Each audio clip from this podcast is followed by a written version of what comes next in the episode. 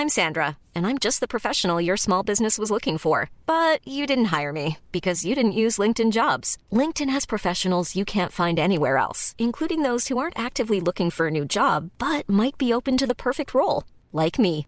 In a given month, over 70% of LinkedIn users don't visit other leading job sites. So if you're not looking on LinkedIn, you'll miss out on great candidates like Sandra. Start hiring professionals like a professional. Post your free job on linkedin.com/people today.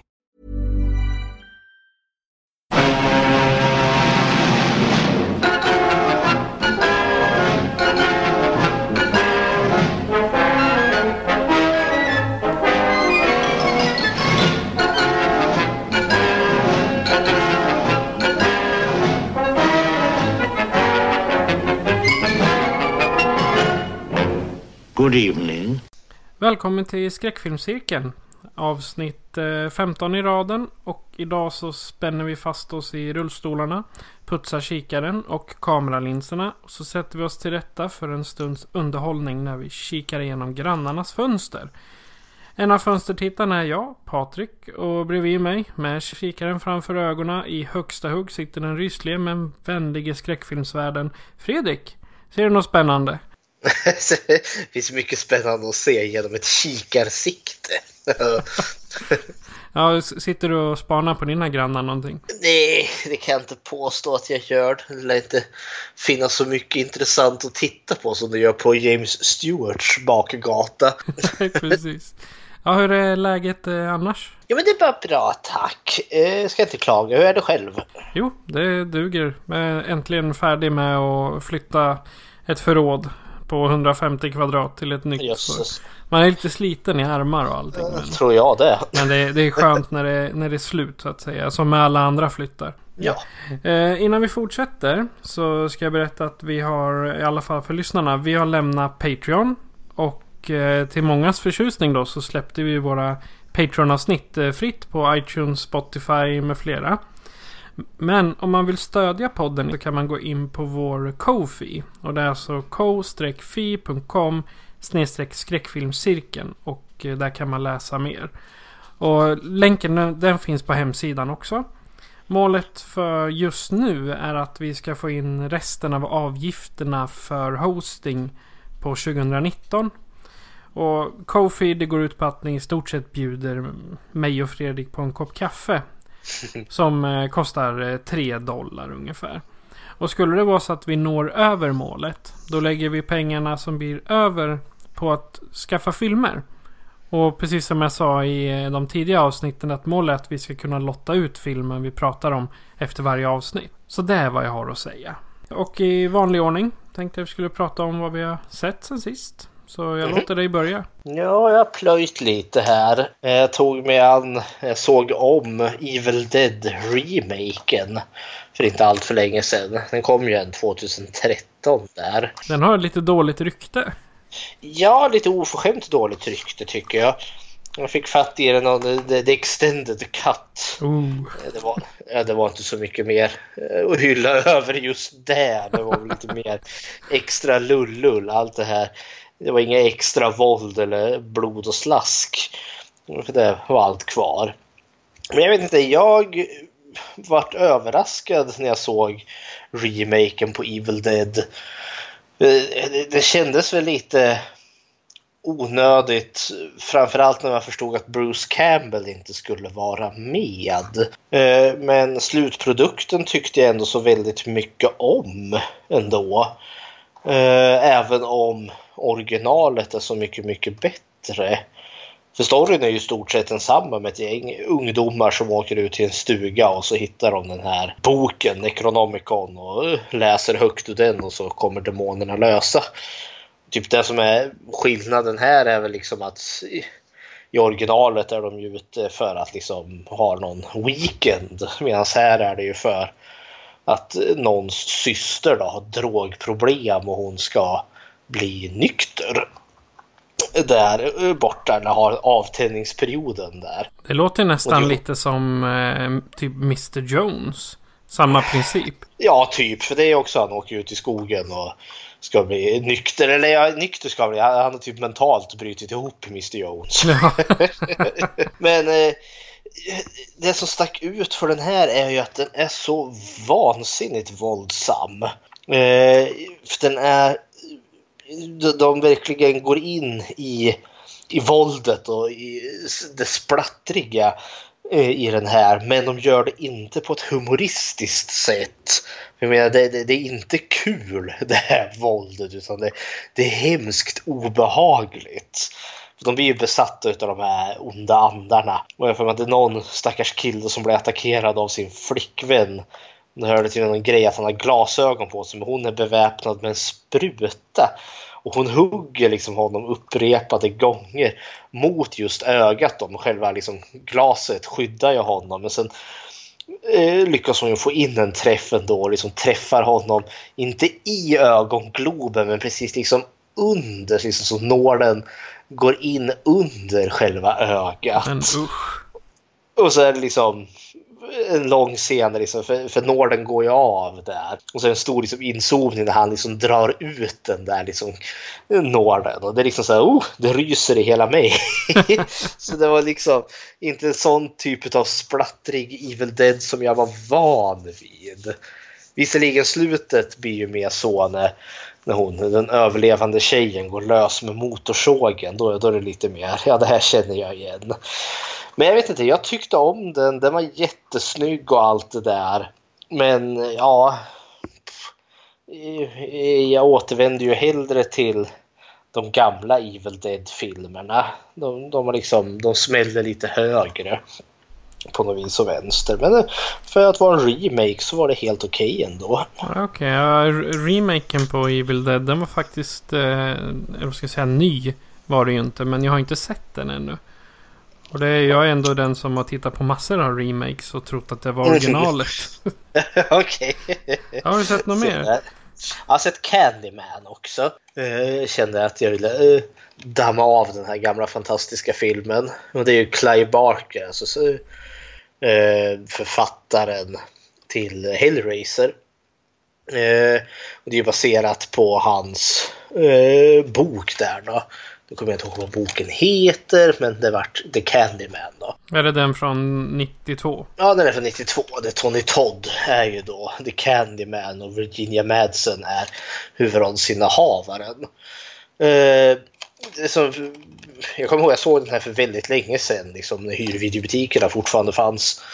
Uh, och det jag fastnar ju direkt är ju liksom musiken i den, eftersom att det är Philip Glass som har gjort musiken och det är ju liksom en väldigt bra kompositör. Och sen just var den utspelar sig, för den utspelar sig liksom mitt i en storstadsmiljö där det pendlar liksom mellan de mer välbeställda områdena och liksom verkligen den sociala misären där liksom fattigdom och utanförskap finns.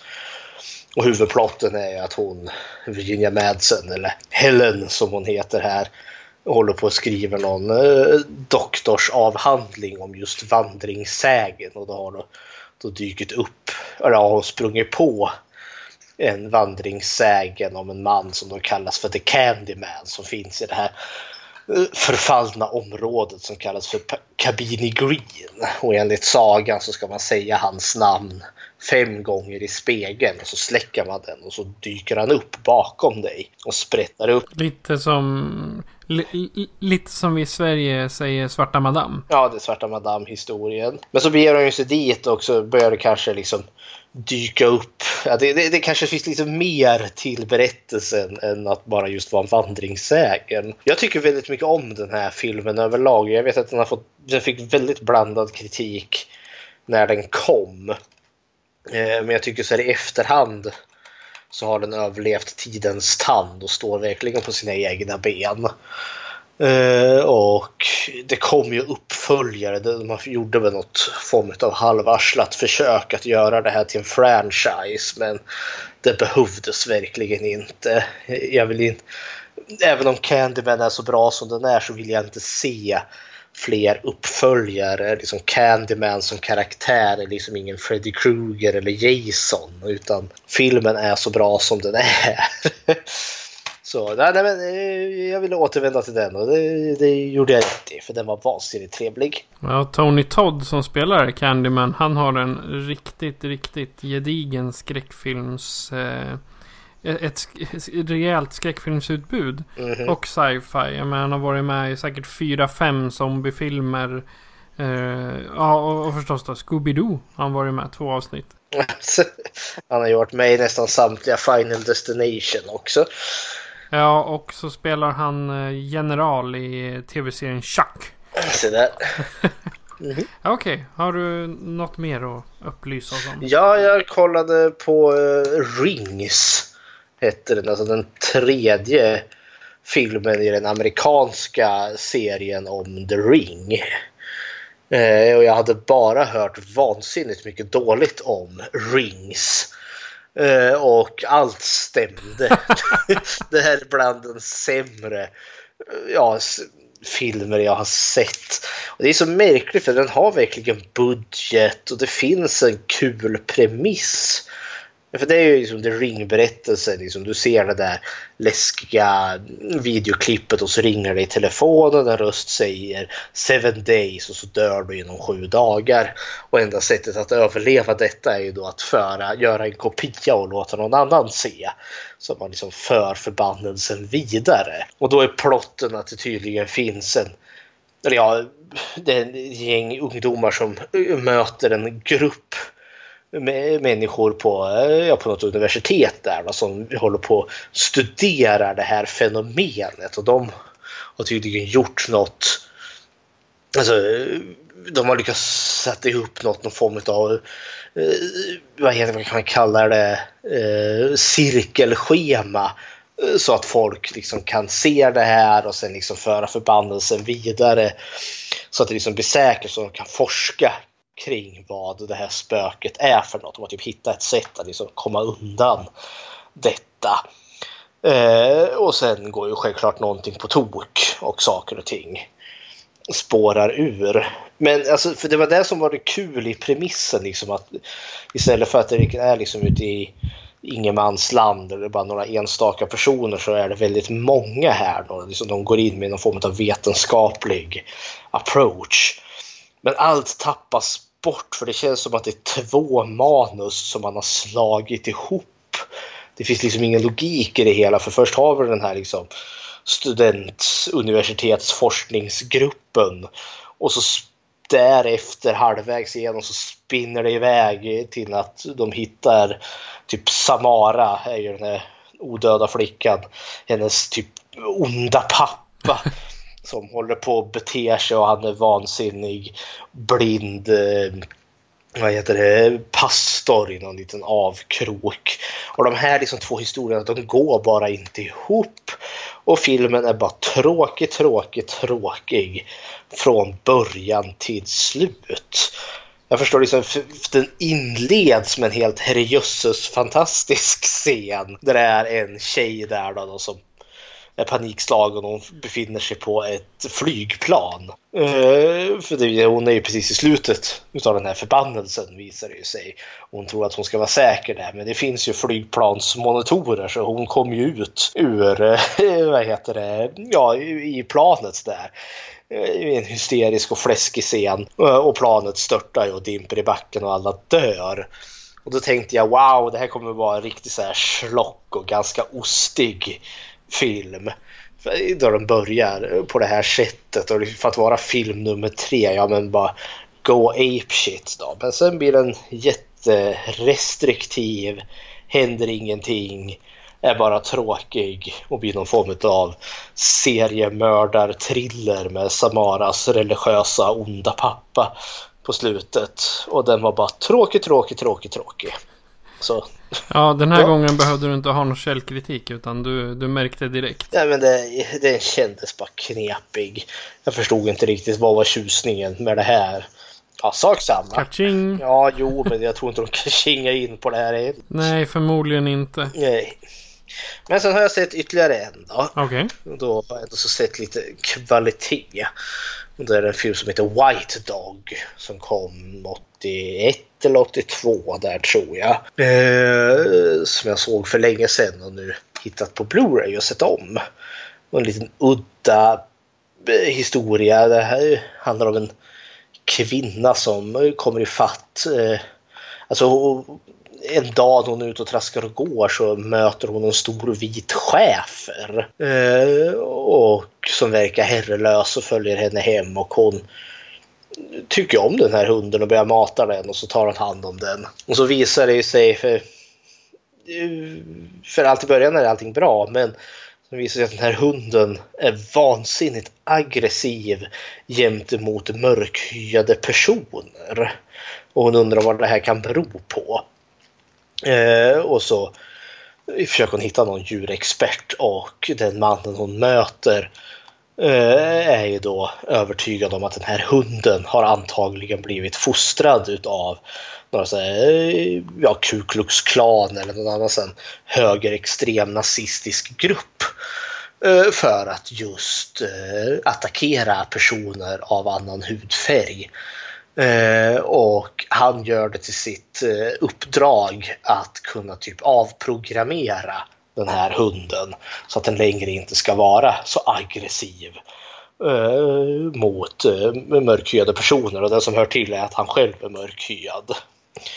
Eh, så, så, det här är liksom en väldigt socialt medveten skräckfilm. För det blir en skräckfilm ändå för hunden kommer ju loss och eh, ställer ju till det då den attackerar och dödar personer. Och det blir också ett etiskt moraldilemma. För man kan ju tycka då efter första attacken då den faktiskt dödar någon att de borde ju bara avliva den.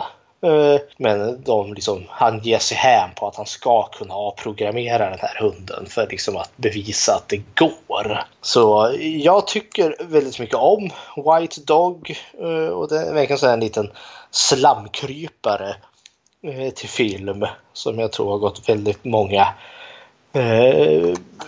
förbi. Men jag, jag tycker om den och jag tycker om att den liksom kan ta ett väldigt seriöst ämne ändå. Så den, den rekommenderar jag varmt. White Dog från 81. Hade det där varit typ en slasherfilm eller en uh, lite nyare komedi då hade den väl hetat Nazi uh, German Shepherd eller någonting.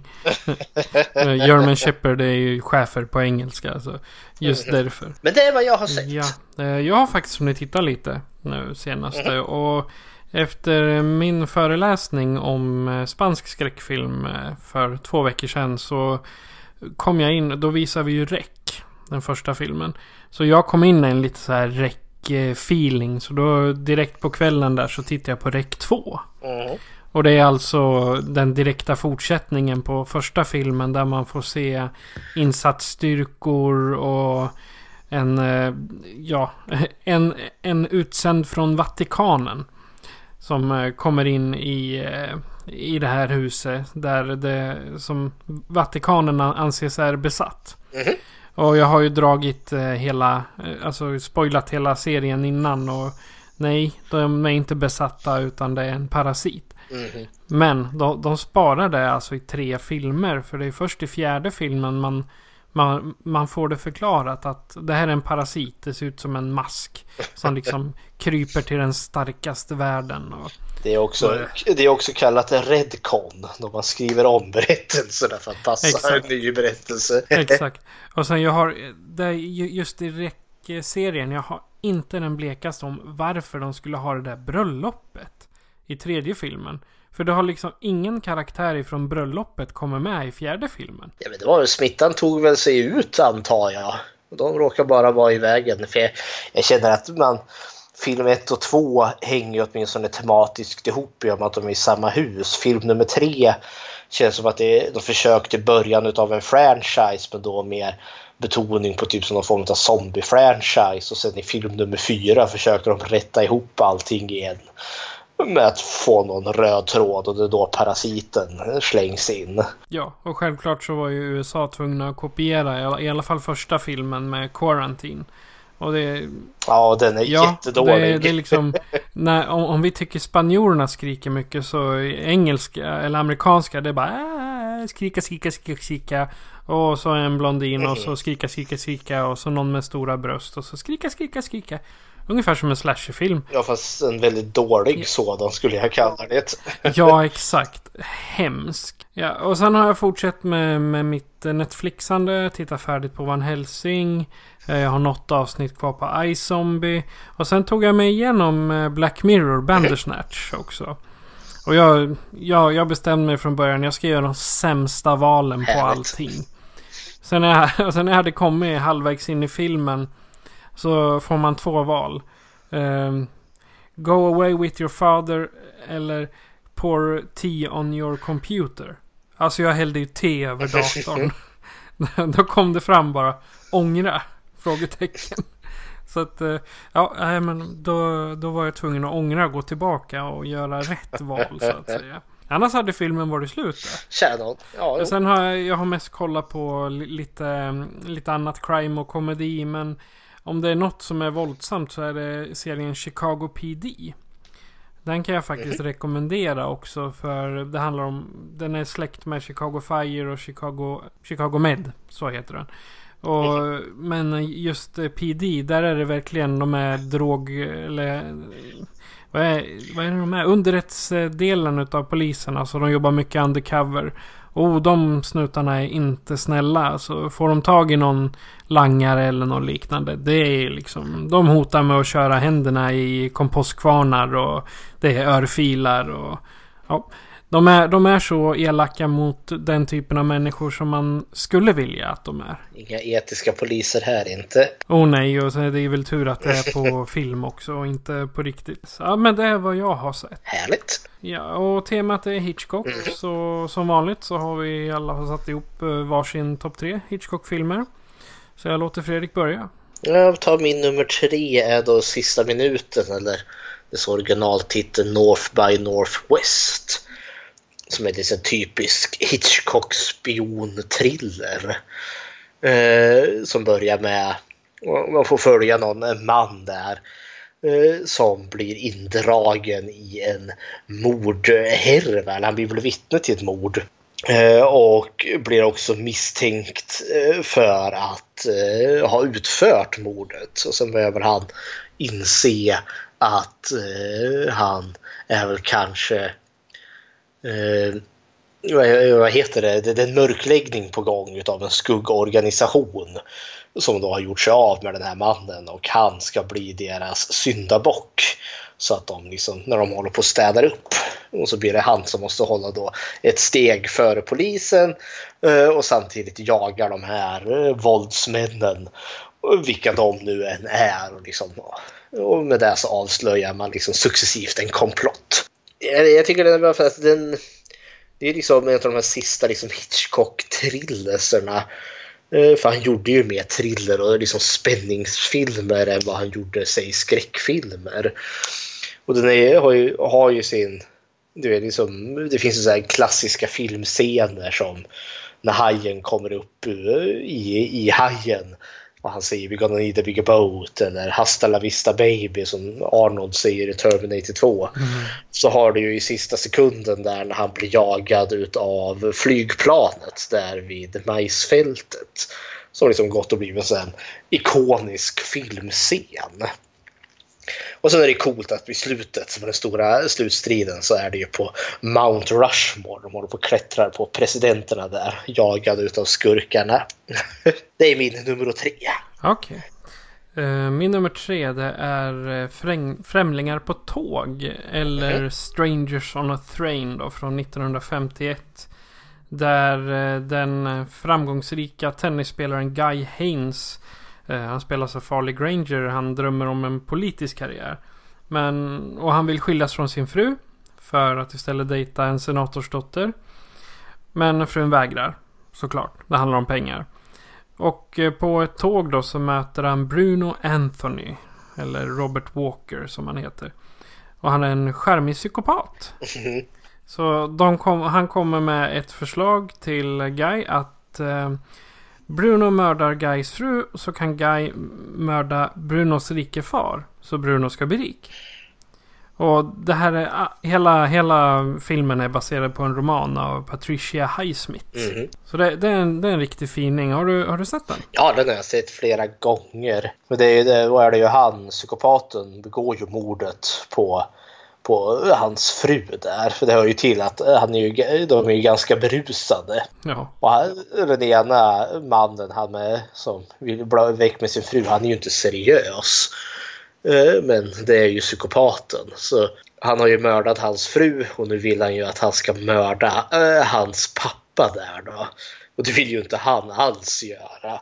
Eh, Och den liksom eh, katt och råtta-lek som uppstår där. Ja men eh, den tycker jag är väldigt trevlig. Ja, den är underbar. Och sen att den kom så, så, så långt tillbaka som 51 och fortfarande känns lite aktuell.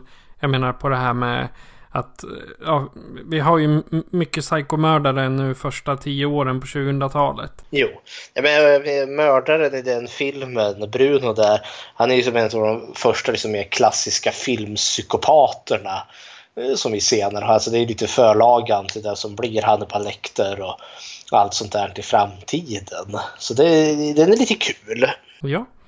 Eh, vad är din nummer två? Min nummer två är Fåglarna. Det är väl en av eh, Hitchcocks få skräckfilmer får man ju kalla det. Eh, Och den lät han ju basera på någon upp... eh, Ja, han hade väl läst någon artikel eh, om ett gäng fåglar då som hade attackerat en bil, tror jag det var. Eh, och liksom, trots att typ fåglarna slog ihjäl sig på bilen. Men det, liksom, det fanns något liksom, elakt, liksom, aggressivt hos fåglarna. Och det tyckte Hitchcock lät som en bra premiss till en film. Och det är ju precis vad det handlar om. Det börjar egentligen som en, för det är mer som en romantisk film där vi har Henry Tippen som är huvudrollen då som har gått och blivit förälskad i en man på lite avstånd där och så ska hon har hon eh, fått reda på att han har ju något eh, semesterställe, eller nej, det är hans familjehem på någon, ö, på någon ö nära kusten där. Så åker hon ju dit och ska försöka uppvakta honom. Och sen då successivt, liksom, för den är ganska långsam, eh, men då successivt så börjar det liksom bli mer och mer fåglar som dyker upp lite här och lite var. Och till slut så går de här fåglarna till angrepp mot folk med jämna mellanrum. Och attackerna är till en början ganska små och sen eskalerar det och det blir bara större och större och folk hittas döda och det slutar med liksom en stor belägring i slutet. Så den tycker jag är väldigt rolig och fascinerande och jag gillar väl att den är väl gjord typ 63. Ja, 63. Så jag skulle nästan kunna hävda att det här är liksom en... Nu är det är absolut ingen zombiefilm men jag känner nästan att det finns nästan lite sådana drag. Eller man kan vara lite grotesk och göra sådana drag. Eh, framförallt närmare slutet. Jag kan inte låta bli att göra jämförelsen mellan slutet på Fåglarna eh, och George Romeros Night of the Living Dead. Där de liksom, i Romeros film, där barrikaderar de ju sig i ett hus medan zombiesarna försöker liksom ta sig in genom fönster och dörrar. Och det är exakt samma sak i Fåglarna fast i den fallet så är det ju då fåglar som håller på och pickar sig in. Och tryggheten finns i, så länge de är i det här barrikaderade huset så är de trygga men kommer hotet in, ja då är det kört. Så jag kan göra lite sådana paralleller tycker jag. men eh, jag är väldigt förtjust i Fåglarna och det är väl en av Hitchcocks liksom, sista stora filmer får man väl också kalla det. Så Fåglarna är min nummer två. Okej, har du sett den eh, svartvita versionen eller har du sett den som de har målat på så att säga? Den har väl alltid varit färg. Alltså alla, jag har aldrig sett den i svartvitt. Varje gång jag har sett den så har den varit färglagd. Så jag vet inte om man spelar in den svartvit eller inte. Mm, nej, det, det kan vara jag som blandar ihop den med någon annan film också. Eh, Min nummer två, det är den riktiga slowburnen-repet. Mhm. Och än en gång så har vi Farley Granger. Han är tillbaka som Philip Morgan. Där han tillsammans med John Dahl planerade perfekta mordet. Mhm. Baserat på föreläsningar om mordkonst som någon gammal lärare har haft. Och vi- har ju tittat på den här. Jajamän. Och fra, framförallt, jag är så pass... Anledningen till att jag har den här så pass högt upp är just för tekniken de har använt. Men jag ser, alltså de hade tagningar som var upp till 10 minuter långa. Och det, det var väl, man var tvungen att byta rulle med band sen om jag förstod det rätt. Ja. Ja, och det är ju helt eh, sanslöst eh, grymt utav skådespelarna. Det är därför jag tycker om den. Själva handlingen och så, fine, det är typiskt Hitchcock. Att det är vem gjorde det, varför eller hur ska vi dölja vårat eh, mord och så vidare. Men eh, jag ska säga det, ja. Den, den vinner liksom pris enbart på sin teknik och på hur den har arbetat. Jajamän. Vad tycker du om repet? Ja, men repet tycker jag väldigt mycket om. Det är ju hans första när han försökte starta sin... Sitt e eller ja, han startade inte ett eget bolag men där han liksom fick kreativ frihet utan producenter som andades honom i ryggen. Och jag, jag gillar eh, jag, jag gillar liksom konceptet och jag gillar precis det du säger. Liksom. Han försökte ju ge skenet av att, liksom, att det inte skulle finnas några klipp i filmen. Som att ah, hela filmen skulle vara en enda stor tagning. Eh, nu funkar det inte riktigt, men han gör ett bra försök. Ja, ja, ja. Det, det ser ju, alltså för ett otränat öga som inte kollar så, vad ska man säga, så, så kritiskt som du och jag gör. För ett, någon, någon sån här som tittar för att det är kul. Bara. Så här vila ögonen. Då, jag hade inte lagt märke till dem då. Till en början. Ja, men jag gillar ju det för det är så här, den är extremt dialogdriven. Eh, Ja. Och jag tycker att Hitchcock har alltid varit väldigt duktig på att just skriva liksom, intressanta dialoger. För det är i stort sett vad hela filmen går ut på. Att vi möter en massa människor som har en, eh, ja, en bjudning, en liten fest där. Och så sitter de och pratar och pratar och pratar och pratar och pratar. Det är liksom allt vad som händer och hela filmen utspelar sig i typ mer eller mindre ett och samma rum. Eh, med vetskapen då att ett mord har begåtts här och mördarna försöker dölja det. Och det är väl också kul att liksom de två huvudpersonerna som vi möter är ju liksom skurkarna i berättelsen. Nej, men jag gillar den väldigt mycket men jag skulle också kunna förstå att liksom det är en sån här film som, inte vet jag, om man nu slentrianmässigt kollar på en film skulle man nog kanske tycka att repet är vansinnigt tråkig. Eh, Men jag eh, tycker ju att den är väldigt underhållande. Jag kan tänka mig att eh, Tarantino, som också är känd för sina helt fantastiska dialoger där karaktärer bara sitter och pratar med varandra och det är fängslande nog. Att han i sin tur också är, kanske har hämtat en hel del från Hitchcock fast på ett mindre, vad kan man säga, klassiskt vis. Jag menar dialogerna i Hitchcocks filmer det är, liksom, det är väldigt charmant hela tiden medan Quentin Tarantino är väldigt mycket mer vulgärt. Lite psykopatiskt snarare. Ja, jo, men det är mycket mer gangsterslang och våldtäkt och liksom mer blod och död än vad det är i Hitchcocks dialoger. Ja, för jag tänkte den här eh, The Rope också. Den ligger ju med i eh, 1001 filmer du måste se innan du dör. Det tycker jag. Är du Ja. lite filmkonnässör och vill liksom njuta av det bästa som finns så är repet onekligen eh, en att välja. Exakt. Okej, eh, min nummer ett är faktiskt Fönstret mot gården. Och det ska vi diskutera om en stund. Så att, eh, jag Jajamensan. överlåter till din nummer ett. Min nummer ett är Psycho. Och jag har valt den. Det är svårt att välja för det finns väldigt många som är väldigt bra. Men Psycho är väl den film som eh, var väl bland de första där jag liksom fick upp namnet Alfred Hitchcock. Eh, den har ju gått flera gånger på tv och jag hade ju den bandad på någon VHS-kassett back in the day. Eh, och det är ju Hitchcocks första riktiga skräckfilm får man väl kalla det. Där han tog sig liksom manuset till vad som de flesta producenter ansåg vara en väldigt B-skräckfilm.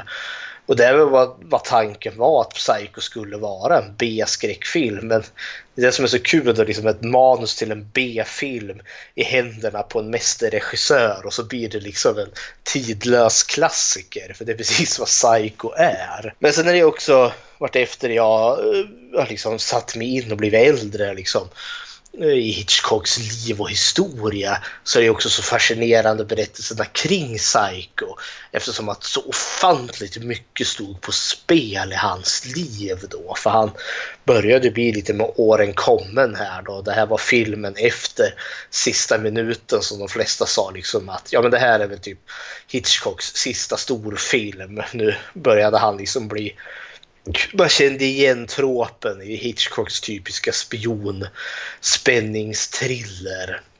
Så Hitchcock kände väl att han behövde uppfinna sig själv på nytt men fick ju inte stödet för eftersom att de flesta filmbolag ansåg att Psycho det är ju liksom B-skräckfilm. Eh, så han fick ju kämpa stenhårt för den och så kom den ut och den är så bra som den är.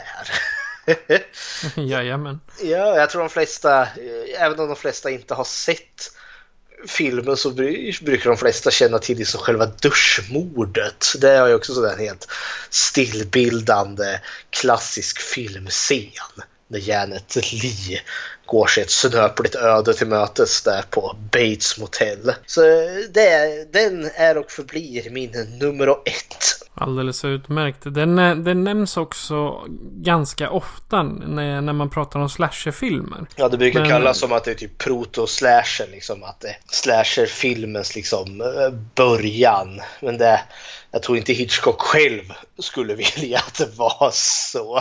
Men visst, det finns ju det. Du har ju en maskbeklädd mördare med kniv. Så ja, varför inte? Ja, det var våra topp tre. Jajamän. Och eh, tycker du annorlunda eller håller du med? Skicka en eh, blänkare till oss på sociala medier eller kanske ett mail. Mm. Vi är nog båda ganska överens om att Hitchcock är eh, skräckens mästare. Så Fredrik har grävt sig ner en bit i hans liv. Ja, han är onekligen, han kallas ju för mästaren utav spänning, the master of suspense. Jag tror inte han själv skulle uppskattas att bli kallad för en skräckfilmsregissör utan han var en en eh, spänningsregissör. Han gjorde thrillers och deckare. Och eh, med handen på hjärtat, han gjorde ju inte så mycket skräckfilmer. Det är ju egentligen Psycho och Fåglarna som är de enda skräckfilmerna han har gjort. Eh, men jag tänkte gå igenom lite hans liv fram till som är hans död. Lite typiska Hitchcockianska teman och några av hans viktigaste filmer då tänkte jag innan vi går över till eh, fönstret mot gården. Eh, och han föddes ju då eh, 1899 i London. Och han heter ju då eh, Alfred Joseph Hitchcock. Eh, och hans far heter William Hitchcock och han var en grönsakshandlare. Det finns ett litet foto. Eh, ett gammalt, gammalt foto Eh, där han eh, står utanför sin grönsaksbutik med en pojke som verkar sitta på en häst eller en liten ponny tror jag. Men jag tror inte att det är Alfred Hitchcock själv utan jag tror att det är Hitchcocks bror William Hitchcock. Han hade nämligen två syskon, en bror och en syster, William och Eileen Hitchcock. Hans mor hette Emma Jane Valen och varför hon inte tog namnet Hitchcock, det vet jag faktiskt inte. Nå, Hitchcock, eh, hans familj, alltså de, var, eh, de hade flyttat från Irland till London då, i, i, i sökan efter jobb och det i slutändan vart det den här grönsaksbutiken som hans pappa hade. Eh, och de var då irländska katoliker, eh, vilket var väldigt viktigt för hans mamma. Eh, och han skickades då till en katolsk internatskola. Eh, han har väl själv beskrivit sitt liv, alltså hans, i hans barndom var väldigt liksom ganska sträng och ganska kontrollerande. Och ja, det finns en episod i hans liv. Jo, jag tror det är när han är typ eh, sex år då har väl han gjort eh, något hyss eller något, någonting har hänt som har missbehagat eh, pappa i familjen där då. Och för att liksom eh, skrämma eh, sin son där då, för hans pappa kände tydligen någon polis där. Så hade han pratat med den här polisen så kom de och hämtade Hitchcock eh, och låste in honom i en fängelsecell. Det här som händer med elaka små pojkar.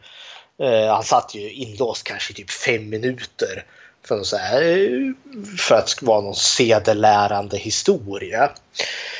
Eller liksom skrämma eh, den unge Hitchcock till att inte göra hyss då. Eh, men det här satte jättedjupa spår hos Hitchcock i lag. För han var, alltid, han var väldigt ängslig och rädd för auktoriteter och framförallt poliser. Det finns något citat från Hitchcock själv där han säger liksom I am not against the police.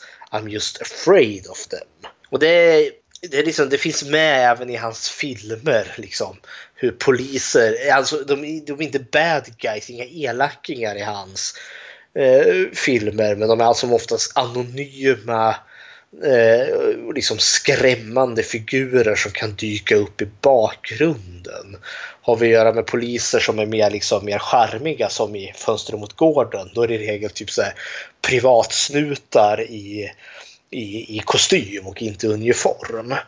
Men efter att han var klar med sina studier då eh, vart han ritare och reklamdesigner för ett kabelföretag tydligen. Och han, han, ritade ju mycket och han intresserade sig för fotografi och liksom här har vi liksom bröderna Lumière och allt sånt där som har hänt. Liksom, det finns de här tidiga kamerorna eh, och hans arbete med det liksom drog upp sig lite uppmärksamheten för just ett filmbolag i London där. Så 1920 fick han då ett heltidsjobb på det som kallas för Isling Studio Eh, som då var ett amerikanskt ägt eh, bolag. Där han fick liksom vara med då liksom i, i eh, själva produktionen utav eh, filmer. Och det gjorde han väl ganska, eh, ganska bra. Så 1925 fick han då tillåtelsen att liksom regissera sin första film som då heter Lustgården. Eh, och det är då liksom ett romantiskt drama. The Pleasure Garden heter den. det, det, låter mera som en erotisk film ja, alltså, men, med dagens, ja, med dagens, dagens mått mätt. Det är säkert, fast jag tror säkert att liksom med, med de absolut första film kamerorna som dök upp som var någon pornografi bland det första som säkert filmades. Men eh, inte på den här, alltså ett filmbolag skulle aldrig någonsin kunna tordas göra något dylikt. Men just Gården mm. är liksom ett romantiskt drama. Och det är väl där liksom eh, spänningens mästare befinner sig väldigt mycket under sin tidiga karriär. Men nu när han ändå så gör film och, eh, så blir han ju, han, han möter ju diverse olika personer och liksom mer eller mindre inflytelserika och han kommer ju att bli regiassistent åt en hel del regissörer. Och han kommer ju bland annat att träffa eh, Fritz Lang, den här tyska regissören som gjorde M bland annat och han kommer att bli involverad med Eh, nu kommer jag inte ens ihåg vad regissören heter, men han som gjorde den här ryska pansarkryssaren Potemkin. Så han kommer liksom att träffa de här liksom stora figurerna. Och det, liksom, rysk film och tysk film skiljer sig markant från brittisk film. Om man tar Fritz Lang framför allt. Han arbetar ju jättemycket med skuggor. Han arbetar väldigt visuellt medan tidig brittisk film var egentligen som ett substitut till teaterföreställningar där man skulle ha stora helbilder så du kan se allt. Liksom. Du kan se skådespelarna och och du kan se eh, scenografin ungefär som du vore på teater. Medan tyskarna och ryssarna var ju väldigt mycket mer för typ att leka med det visuella med närbilder och sådana saker. Och det var ju det Hitchcock snappade upp.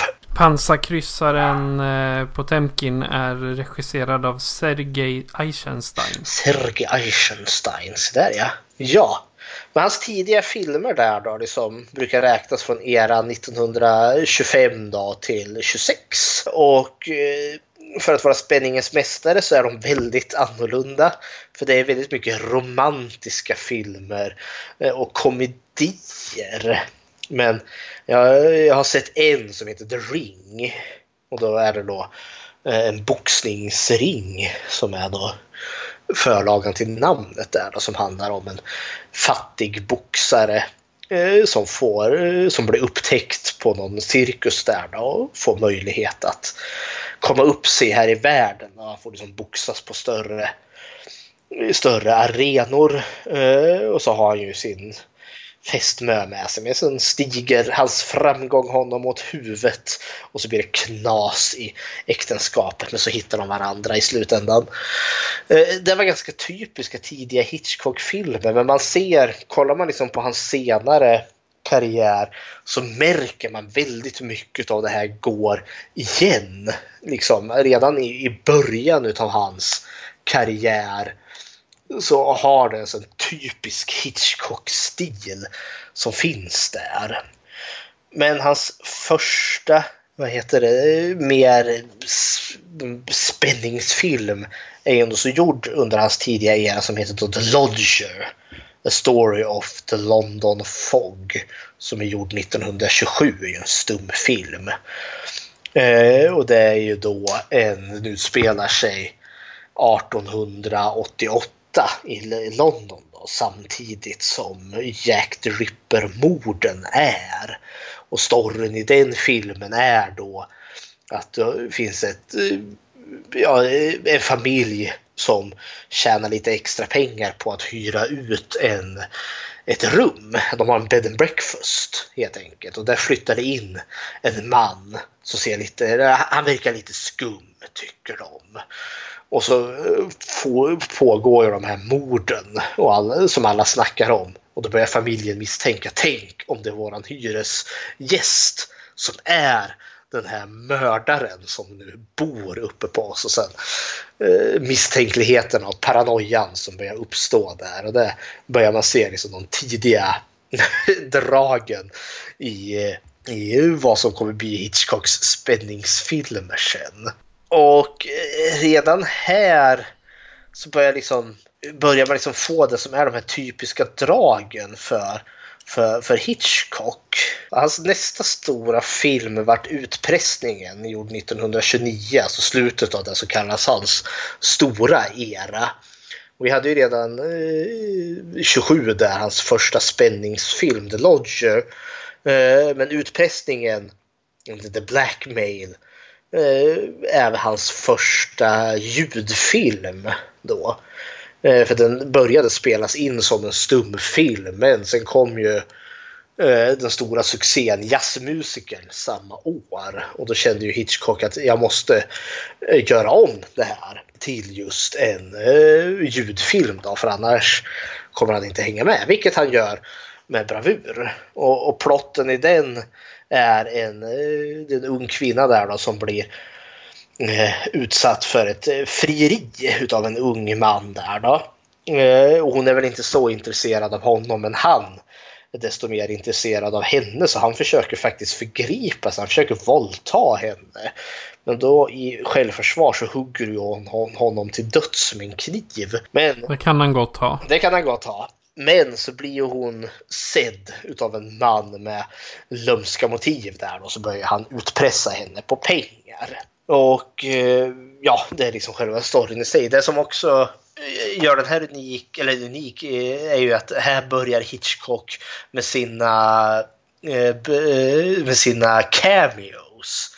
Han skriver gärna in sig själv i, i, i sina filmer där han dyker upp. Och liksom under hans storhetstid så var det ju nästan liksom som en liten grej när en eh, ny Hitchcock-film var liksom att liksom vart dyker Hitchcock upp. Det är lite som Stan Lee i de här Marvel superhjältefilmerna. Alla liksom sitter och förväntar sig när ska Stan Lee dyka upp? Och så var det lite med Hitchcock också. När dyker Hitchcock upp? Och han dyker upp i en scen där han sitter och läser en bok. på något eh, tåg medan det kommer en fräck unge och slår av honom hatten så han blir så sur. Så. och det är här eh, efter The Blackmail eh, Eh, så får han, det är väl då han börjar få det här epitetet, mästaren på spänning, the master of suspense. Då han gör en hel radda filmer mellan 1935 till 39 fortfarande eh, eh, stationerad i England. Och de, de filmer han gjorde då var The Man Who Knows whom Too Much, Mannen som visste för mycket, De 39 stegen, The Secret Agent, Sabotage, The Lady Vanishes, En dam försvinner. Och det är väl eh, åtminstone de 39 stegen, Sabotage och En dam försvinner är ju de som har liksom stuckit ut. Och det är där liksom Hitchcocks väldigt typiska eh, drag dyker upp. Hitchcock hade ju eh, eh hade ju sin bombmetafor. Eh, för det kommer ju från filmen Sabotage. I filmen Sabotage stora, mest notoriska scen är ju eh, att vi som publik har ju fått se att det finns en bomb. En bomb gömd i ett fodral som man fraktar så filmrullar i. Som, alltså gamla filmprojektorer. Eh, publiken vet att i den här eh, rullen finns det en bomb som tickar. Och så är det då en pojke, då, en springpojke, som ska leverera detta och han sätter sig på en röd dubbeldäckande buss. Eh, och eh, vi som publiken vet mer än vad karaktärerna på film gör. Och Hitchcock lägger in ljudet av en tickande, ja, av en tickande klocka så att vi förstår liksom att det är bomben som tickar. Medan karaktärerna runt omkring är helt ovetande. Och hans bombmetafor var ju då liksom att eh, det sitter ett par och äter eh, mat men under deras bord finns det en bomb. Och som publik eh, ska vi ju veta det men karaktärerna inte veta det. Och de ska sitta då och prata triviala saker. Eh, så att publiken ska bli jättestressad för de måste ju därifrån för det finns en bomb och det kan explodera. Men eh, det som också var viktigt för Hitchcock är att du får inte låta bomben explodera. För exploderar bomben, då tar spänningen slut. Och det var det som var misstaget tyckte han när han gjorde den här filmen Sabotage. För då exploderar ju faktiskt bomben. Dödar pojken och eh, personerna på den här bussen. Så det var det som eh, började bli signumet på hans liksom, spännings ja, signatur. Att folket ska lida helt enkelt. Han vill att folk ska eh, vrida sig i biostolarna. Lite som eh, The Tingler kanske de tänker då? Ja, nej, alltså The Tingler är ju, det är ju, det är ju väldigt ostigt film. Det är väldigt lökig film i jämförelse. Eh, jag menar Hitchcock, han, han var alltid ute efter liksom lite mer, han vill ha intelligent. Eh, eller åtminstone han vill ge skenet av att liksom det är lite mer sofistikerat. Medan The Tingler det är liksom mer typ Roger Corman. ja, fast ändå. Det, de har väl säkert inspirerat varandra på sätt och vis. Kanske det. Han, sen väljer han ju gärna liksom... Han kan ju också vara lite som dåtidens eh, Shyamalan. Eh, Night M. Shyamalan. Eh, så eh, han som gjorde Sjätte sinnet och eh, The Village och, och Signs och liknande hans, den regissörens grej har ju alltid varit att komma med en twist. En liten överraskning på slutet och Hitchcock var också lite inne på det. Som typ en dam försvinner är också sådär som han gärna spinner vidare på. För storyn i den är ju att en ung kvinna och hennes mamma är på, eh, de ska, eh, jag vet inte vart de är på väg men de ska till någon stad i alla fall av någon anledning. Och hennes mamma är lite krasslig. Och så tar de in på ett hotell och så ska dottern sticka iväg och skaffa lite medicin. Och när hon kommer tillbaka till hotellet igen då är hennes mamma bara borta. Ja då, en dam försvinner, eller en kvinna försvinner. Och så går hon ju och frågar liksom om vart i, i vad heter det, receptionen vart hennes mamma kan ha tagit vägen. Och de liksom, men vadå? Nej, det finns ingen, ingen kvinna här. Eh, du checkade in själv, vi förstår ingenting. Och så börjar hon liksom springa iväg och liksom försöka hitta liksom, vart har hennes mamma tagit vägen. Men det verkar som att ingen som hon möter ens vet att hennes mamma någonsin har existerat. Jag börjar ana twisten där. Mm. Eh, och eh, jag, jag, jag, tror inte det, för det är, det är ganska invecklat. Eh, vad tror du twisten är? Jag tror att han är schizofren. Nej, det är hon inte. Det är mer... Attans då? det hade varit för enkelt. Ja, det som blir som knorren på berättelsen visar sig att hennes mamma har ju dött under eh, hennes vistelse eh, till, till, på väg till apoteket. Eh, och däremellan har ju varit någon doktor där uppe och han har ju insett att hon har dött utav böldpest. Eh, vilket är liksom en väldigt smittsam och farlig sjukdom och då eh, har det liksom beordrats liksom någon form av mörkläggning där för att inte orsaka panik. Och sen har ju hon blivit, henne, dottern där blivit lyst utav polisen för de måste ju få fatt i henne utifrån att om hon är smittad så kan sprida smittan vidare för det är ju, hon blir ju förföljd utav skumma personer i, i, i mörka rockar och hatt vilket visar sig vara poliser. Eh, så det är liksom knorren på det hela. Men eh, under denna liksom era då är det då han börjar utmärka sig och då han får liksom de här typiska teman för en Hitchcockiansk spänningfilm. Eh, och vad som är då typiskt för en Hitchcock-film är ju då han vill bygga väldigt mycket spänning. Så mycket spänning som möjligt som det är med bombmetaforen. Och att du som publik ska helst vara så osäker så länge som möjligt. Huvudpersonen eh, kan vara en man eller kvinna. Eh, en helt vanlig person som inte har något de är inte poliser, eh, de är inte eh, specialtränade soldater utan det ska helst vara så vardagligt som möjligt. De är bilförsäljare eller hemmafruar eller något sånt där. Och dessa personer ska bara kastas in i en absurd händelse där de inte vet vad det är som händer eller blir falskeligen anklagade för något brott.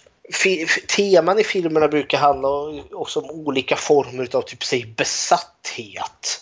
Som typ fönstret mot gården som vi ser, liksom, eh, som vi ska prata om sen. Han kan liksom inte låta bli att sitta och titta på alla sina grannar som finns där utanför. Eller som mördaren i Psycho. Hans liksom, motiv, han är onekligen besatt kring sin mamma och sådana saker. Hans hjältar, eh, de goda männen och kvinnorna som vi ska följa, ska alltså oftast vara moraliskt tvivelaktiga. Vi fortfarande hejar på dem men de är villiga att gå över liksom lite, lite gränser som kanske inte riktigt är socialt accepterat. Och skurkarna Eh, Eh, mördarna och spionerna eh, i hans filmer ska alltså som oftast vara sympatiska. Det ska finnas drag i dem som gör att de inte är liksom nattsvarta eh, personer. Hans filmer handlar också väldigt mycket om skuld och typ psykisk självplågande. Psycho är ett bra exempel. Dels har du ju mördaren i den filmen, Norman Bates, som är väldigt liksom nedtryckt utav sin jättedominerande mor. Men sen har vi också eh, Janet Lee som innan där har stulit pengar från sin chef och är nu liksom på rymmen.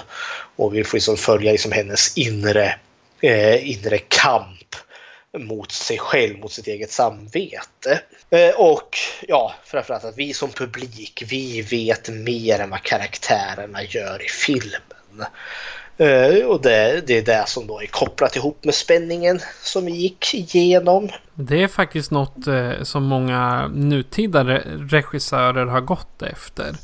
Jag tänker det är många, många filmer där vi helt klart vet vem, vem som är vem och vad som har hänt. Och sen är det spänningen liksom allting annat runt om. Hur, hur eh, huvudpersonernas eller de centrala karaktärerna, hur de kommer fram till det svaret som vi redan har. Jo, det brukar ju kallas för den klassiska berättelsen om det blodiga rummet.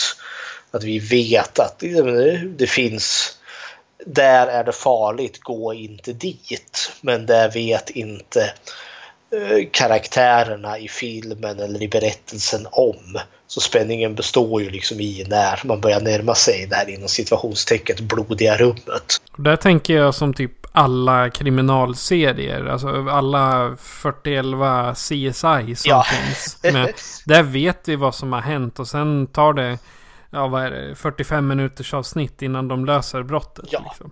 Ja, ibland kan det vara dubbelavsnitt också, men ändå.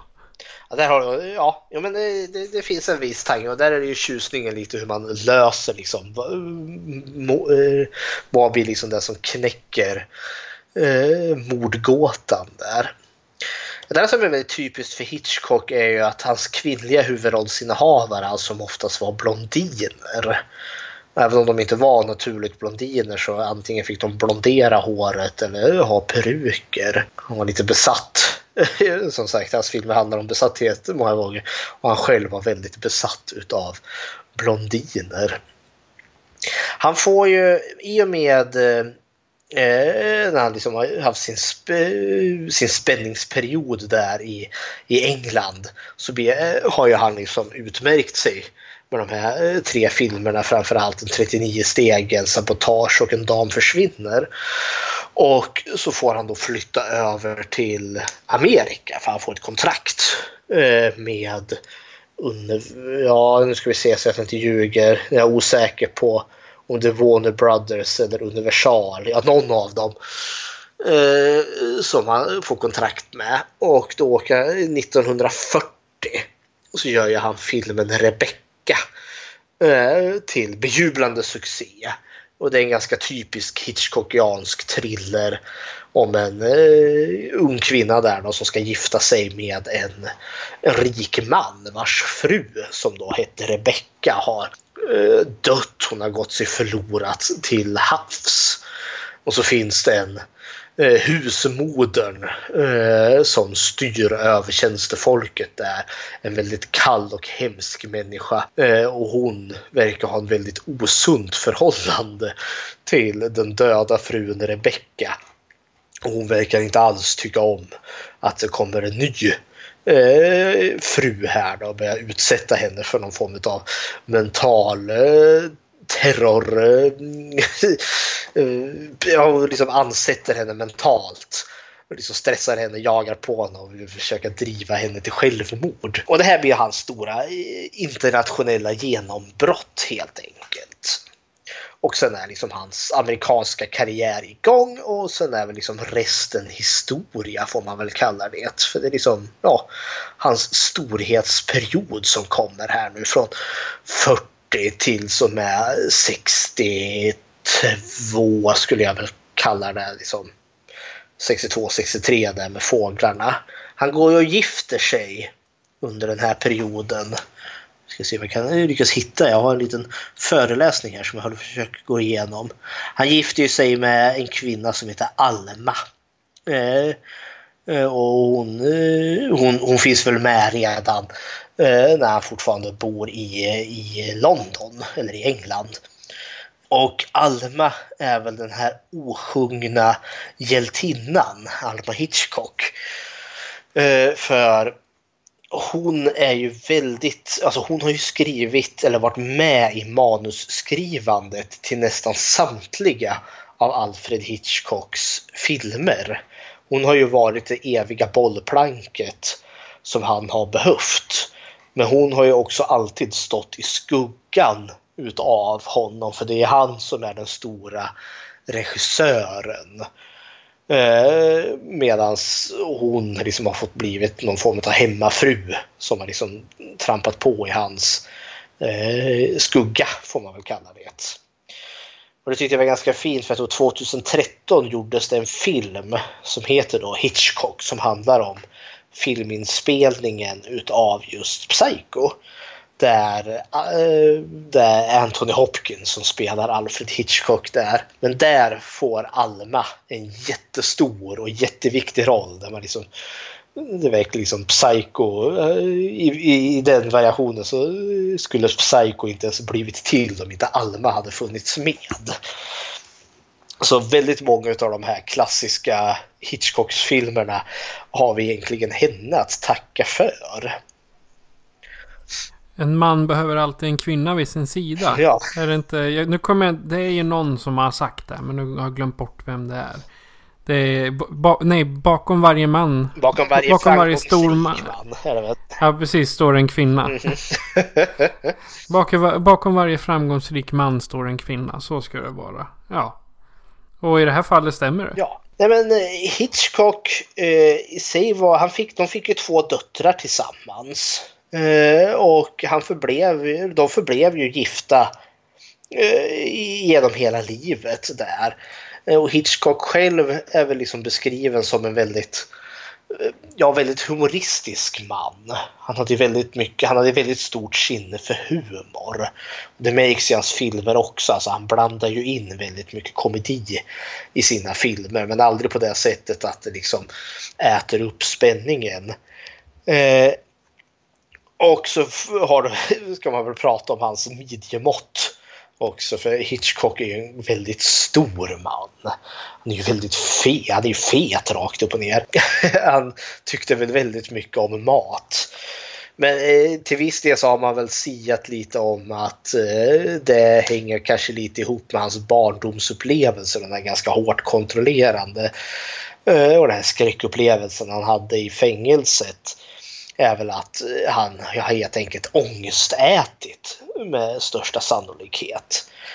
Eh, och han är också beskriven som ett enormt kontrollerande människa. Alltså han är ju liksom en riktig så kallad demonregissör. Då han liksom har fingrarna i precis allting. Men han var också väldigt jäkla kunnig för han började ju verkligen som en, med att liksom göra set designs, alltså göra mm, kulisser. Eh, och han har liksom varit involverad i, i, i liksom alla aspekter av att göra en film. Allt från liksom rekvisita till ljussättning till, eh, till musik och ljus och ljud. Eh, som han, han har liksom varit med i allt så han kan ju sin grej. Han har liksom fått, han har också arbetat sig upp eh, från liksom, ja, från hans pappas eh, grönsaksbutik till liksom Hollywoods liksom mest högt aktade eh, regissör. Jo, eh, han är ju väldigt hyllad överlag, men det betyder ju inte riktigt att han är utan kritik den här karln. Han var ju väldigt kontrollerande som sagt och han eh, en grej som var ju det att han hade ju den här grejen med blondiner. Det, det var ju till och med ett, eh, det var ju som ett begrepp liksom. En Hitchcock-blondin. Och då har vi han, då har vi ju Tippi Hendren. Eh, jag nämnde henne i eh, när jag talade om fåglarna för hon är ju den kvinnliga huvudrollsinnehavaren där. Hon var ju sån där kvinna som han upptäckte för Tippi Hendren var ju någon som form av Ja, hon var väl fotomodell i grund och botten och hade väl ambitioner att bli skådespelerska. Eh, och hade väl gjort reklamfilmer. Eh, och han hade väl sett henne i någon, form, i någon reklamfilm för något schampo eller något sånt där. Och beslutade sig att hon ska bli min nästa eh, blondin. Jag ska göra henne stor. Så hon, han, han kontaktar ju henne och så skriver ju de kontrakt. Och självklart, hon är ju antagligen eld och lågor. Det här är ju liksom möjligheten till värsta karriären.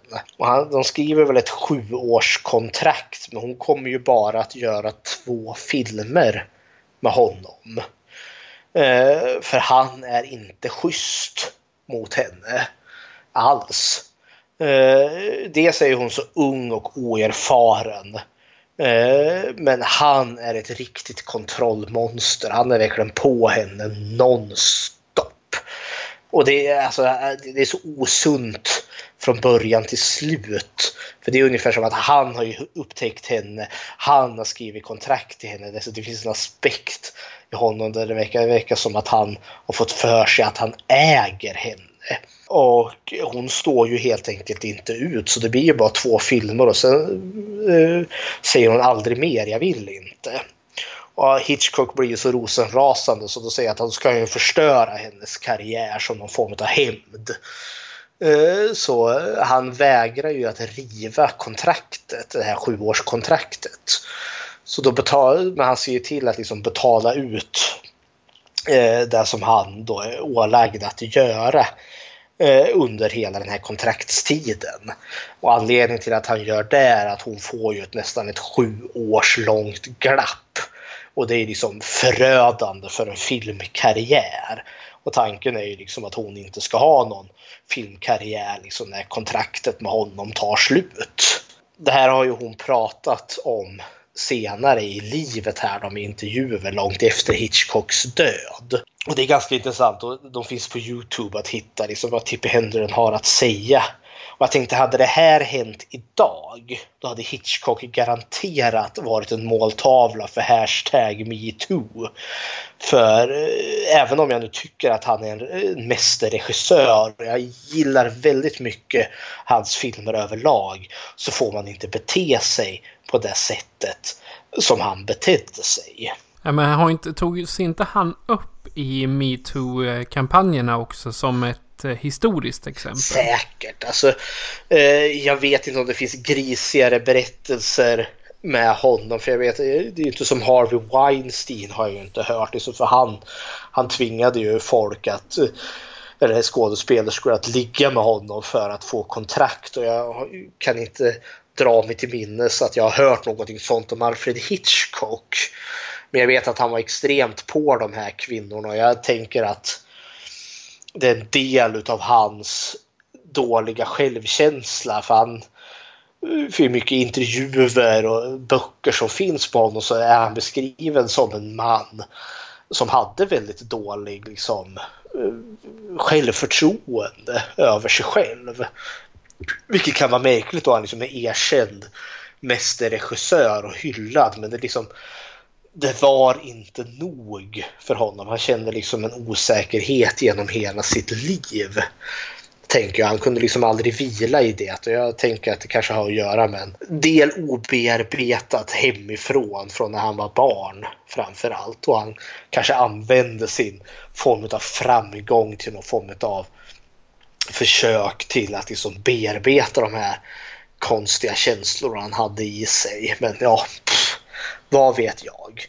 Men det, ja, men det låter realistiskt. Ja, visst, ja. Alltså, för det, jag menar, har du ett... Eh, jag kommer bara på det engelska ordet childhood trauma. Ja. Alltså childhood trauma. Då... Eh, alltså det brukar ju sitta hela livet. Ja.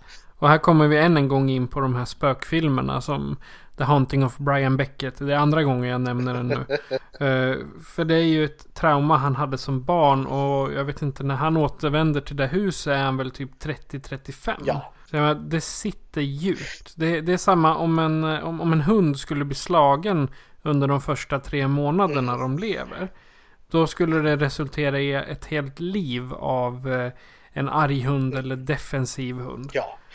Det är bara ett exempel. Jag kan ju tänka mig det, även att när han ändå så blir så stor som han blir då, då, då sitter ju han i en sån maktposition så det är ju som inte lätt att som tillrättavisa en sådan man för han eh, har ju liksom ett helt bolag bakom sig. Men jag tänker den här filmen jag nämnde, Hitchcock, som handlar om inspelningen utav Psycho.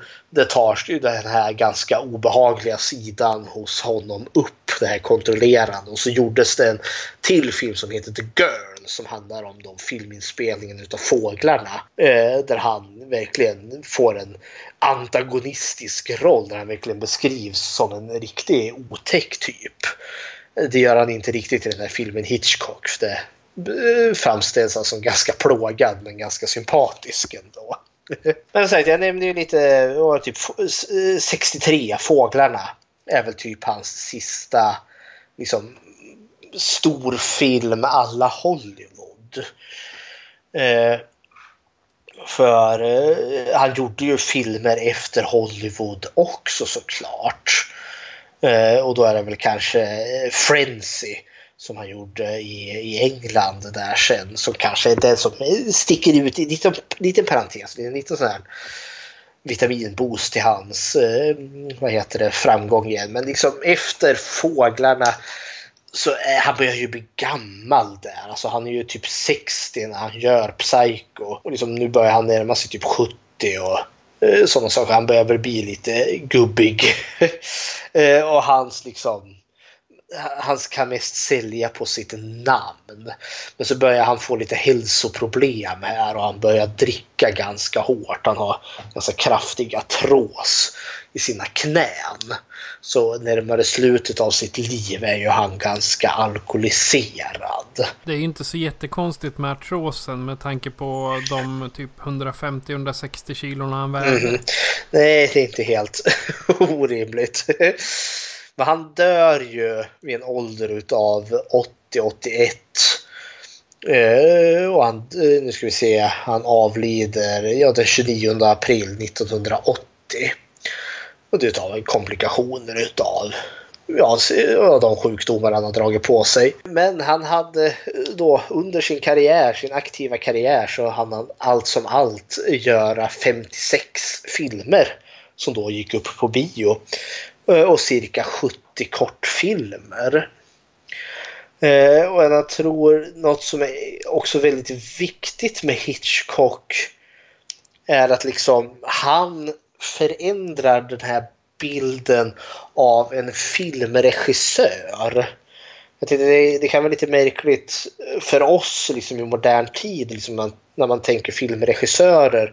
Ja, men det är alltid liksom, man, man har koll på vilka som finns och liksom, nu kommer nästa regissörs liksom, stora film. nu kommer en Spielberg-film eller ja, som nu Jordan Peele som kommer ut med Ass efter sina framgångar med Get Out eller James Wan gör en ny Conjuring-film eller liknande. För oss är det ju väldigt liksom, naturligt att koppla ihop liksom, framgångsrika filmer med en regissör.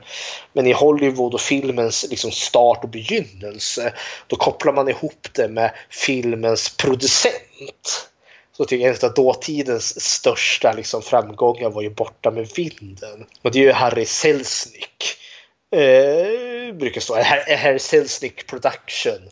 Och jag trodde liksom under den längsta av min tid att det var Selznick som hade regisserat den. Men nej, han hade producerat den. Så på den tiden då var det liksom producenterna, de som låg med pengarna, de som producerade filmen. Som var liksom det här stora namnet.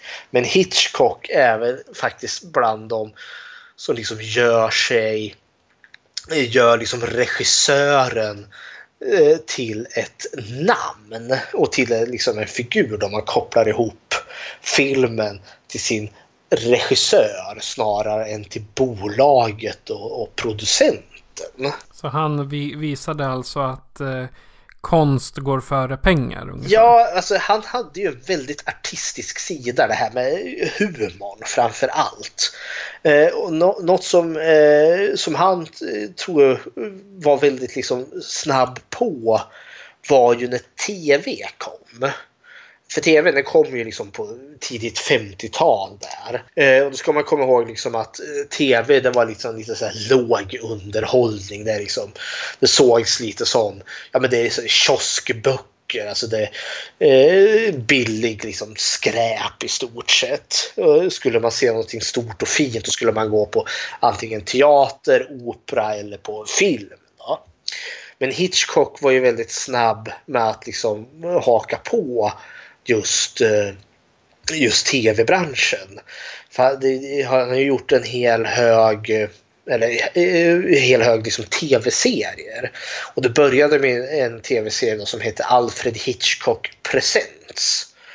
Och det är ju då liksom, korta, korta små liksom, berättelser eh, med något form av tema i. Alltså vi skulle nog kunna jämföra det med typ Tales from the Crypt. Alltså sådana här typ antologiliknande berättelser med liksom ett kort litet avsnitt med en skräckesk historia. Fast i hans fall så var det ju allt som oftast bäst liksom kriminalare och liksom diverse olika små brott. Och grejen var ju den att Alfred Hitchcock, han regisserade ju inte så mycket av de här, men han, han lånade ju sitt namn till dem och han, han var alltid med i början och i slutet på en episod. För det var liksom han, han presenterade liksom temat på något vis och vänster och så kom han tillbaka i slutet och sa några några, några sista typ eh, avskedsord. Och han gjorde ju alltid det med väldigt liksom med väldigt mycket humor, väldigt mycket svart humor. Och i och med det så vart ju han liksom ett hushållsnamn för liksom jättemånga hade ju tv. Och just det här Alfred Hitchcock Presents vart ju jättepopulärt. Och det är då han får den här lite typiska slingan. Den här Alfred Hitchcock-slingan och sin lilla silhuett som brukades målas upp. Som senare kom liksom att komma in i filmerna. Och i och med det så vann han ju liksom folkets hjärta helt enkelt. Han var en folkkär figur.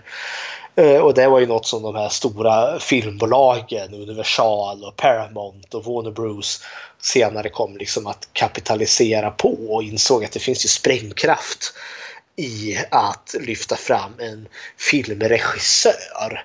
Så bara det i sig är liksom Hitchcock lite unikt. Han är liksom den första. Han är liksom den som populariserar filmregissören. Utan honom så hade vi kanske inte sett på Steven Spielberg eller andra stora regissörer. George Lucas eller Romero på, på samma sätt. Så Hitchcock är liksom i bräsen egentligen. Ja, det är väl Hitchcock i, i, stora drag. På gott och på ont. Tänker jag. Ja, det, alltså, det, det är intressant där. Han, eh, hans närmaste vänner kallar honom för Hitch. Hitch. Ja, så, och, så att, eh, men men det, det, är väldigt intressant fakta. Jag vet att det finns en hel uppsjö mera. Eh, hur många böcker är det skrivna? Har du någon koll på det? Inte den blekaste. Jag vet att det har skrivits flera eh, alltså biografier om honom, liksom postumt såklart. Eh, och det finns ju liksom en uppsjö dokumentärer kring han också. Så det, det är bara att välja och vraka. Jag larvade ner till biblioteket här i stan och bara sökte på Alfred Hitchcock och jag tror jag hittade tre biografier skrivna om honom. Så, så, så det, det, finns en hel del. Okej. Okay. Eh, och eh, som sagt, det, var, det är väldigt mycket intressant om eh, Hitchcock överhuvudtaget. Mm. Alltså det är en bra historia. Men eh, utan vidare kommentarer så tycker jag vi ger oss av till eh, bakgården mm. för dagens huvudattraktion som är Fönster mot gården eller eh, Rear Window från 1954. Och här kommer en trailer. This is the scene of the crime. A crime of passion filmed in a way you have never seen before and as no one else would dare attempt. But the screen's master of suspense, the producer director who shocked the world with Psycho.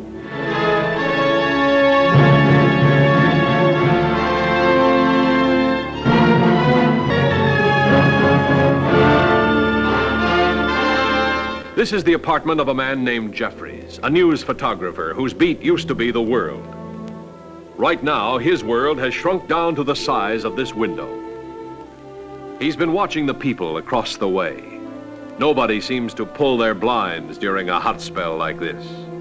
He knows a lot about them by now. Too much, perhaps. For instance, down there on the second floor, the woman pacing about. He calls her Miss Lonely Hearts so lonely that even death seems like a friend. These are the newlyweds on a honeymoon no one will ever forget. He calls her Miss Hearing Aid, an artist of a very odd and strange art. The songwriter who plays the same melody over and over again.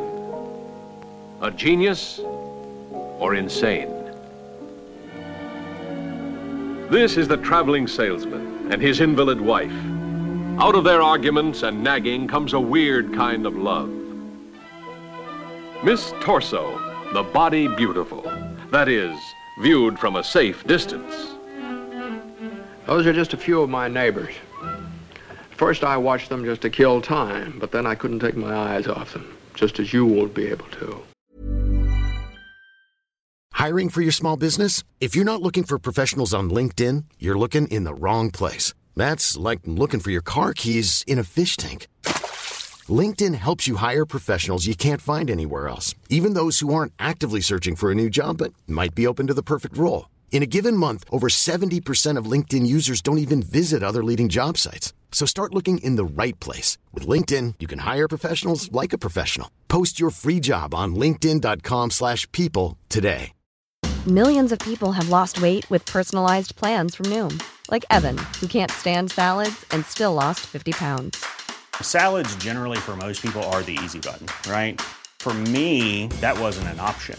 I never really was a salad guy. That's just not who I am. But Noom worked for me.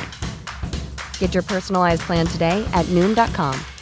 Real Noom user compensated to provide their story. In four weeks, the typical Noom user can expect to lose one to two pounds per week. Individual results may vary. När yrkesfotografen Jeff tvingas sitta i rullstol på grund av ett brutet ben blir han besatt av att iaktta de privata draman som utspelar sig bland hans grannar. När han börjar misstänka att en försäljare ska ha mördat sin gnatiga fru ber Jeffrey sin flickvän om hjälp att undersöka den mystiska kedjan av händelser. Händelser som slutligen blir en av de mest minnesvärda upplösningarna i filmhistorien. Och varför valde du just Fönster mot gården? Varför jag valde Fönster mot gården? Jo, dels för att filmen är väldigt, väldigt bra. Man brukar säga, ska man introducera någon för Alfred Hitchcock så är väl Fönstret mot gården den film som är mest Hitchcock av alla filmer som Hitchcock har gjort. Du får väl, Helt klart. Du får väl liksom precis allt det som är det typiska Alfred Hitchcock i en och samma film. Och eh, ja, eh, det var väldigt många som inte hade sett någonting av Alfred Hitchcock när jag tog upp den i skräckfilmscirkeln, vilket förvånade mig lite. Var det din första Hitchcock? Åh oh, nej. Det var inte det. Du, du hade sett han förr. ja, jag, alltså jag köpte, jag kommer inte ihåg om det var Aftonbladet eller Expressen en gång i veckan ett tag. För då fick man med en Hitchcock-film. Ja, jo, men jag har dem allihopa. Ja. samlade på mig dem också när det, de hade det där.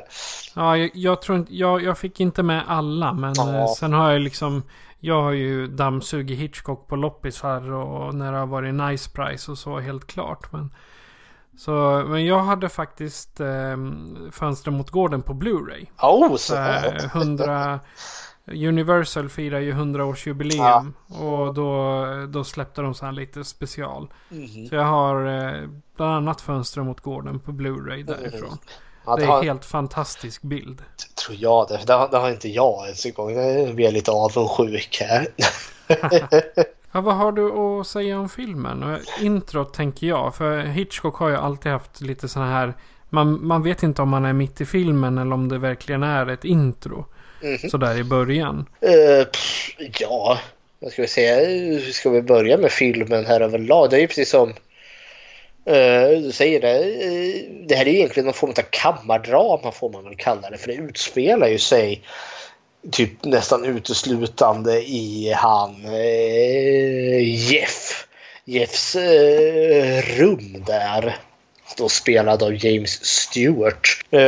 som då har brutit foten när han har lyckats fått något han arbetar som fotograf. Det har varit någon racerbilsolycka där han lyckades få något fantastiskt foto men vart väl påkörd samtidigt. Ja, jag gillar det att eh, när, när de startar själva scenen. Så mm. först ser man honom sitta och sova. Japp. Och sen ser man en trasig kamera och så bakom foton på bilar. Jajamensan. Och sen går de till det brutna benet. Jajamensan.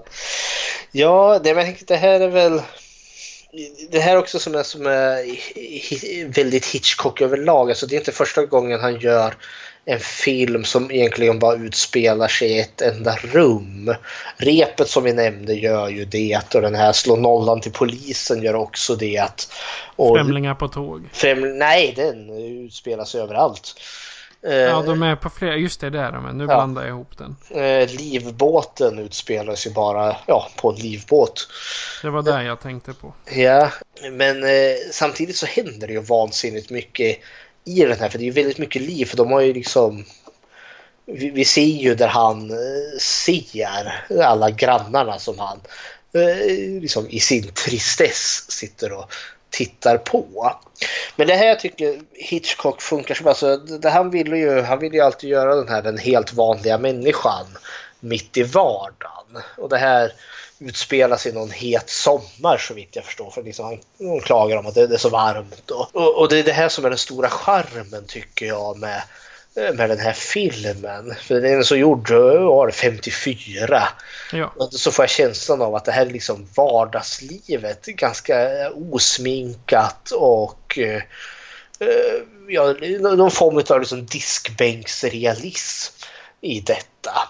För vi får ju se över liksom på andra sidan gården på de här grannarna som han sitter och tittar på. Och eh, några grannar liksom har dragit ut sina madrasser och sover på balkongen för de tycker det är så varmt. Och någon medelålders kvinna sitter i, någon, eh, ja, i sina badkläder och liksom fläktar sig i, i skuggan där. Och, ja, liksom... hon, hon har ett rätt så roligt namn eftersom hennes riktiga namn får man aldrig höra. Men han, Jeff kallar henne för Miss Hearing Aid. Miss Hearing Aid, ja.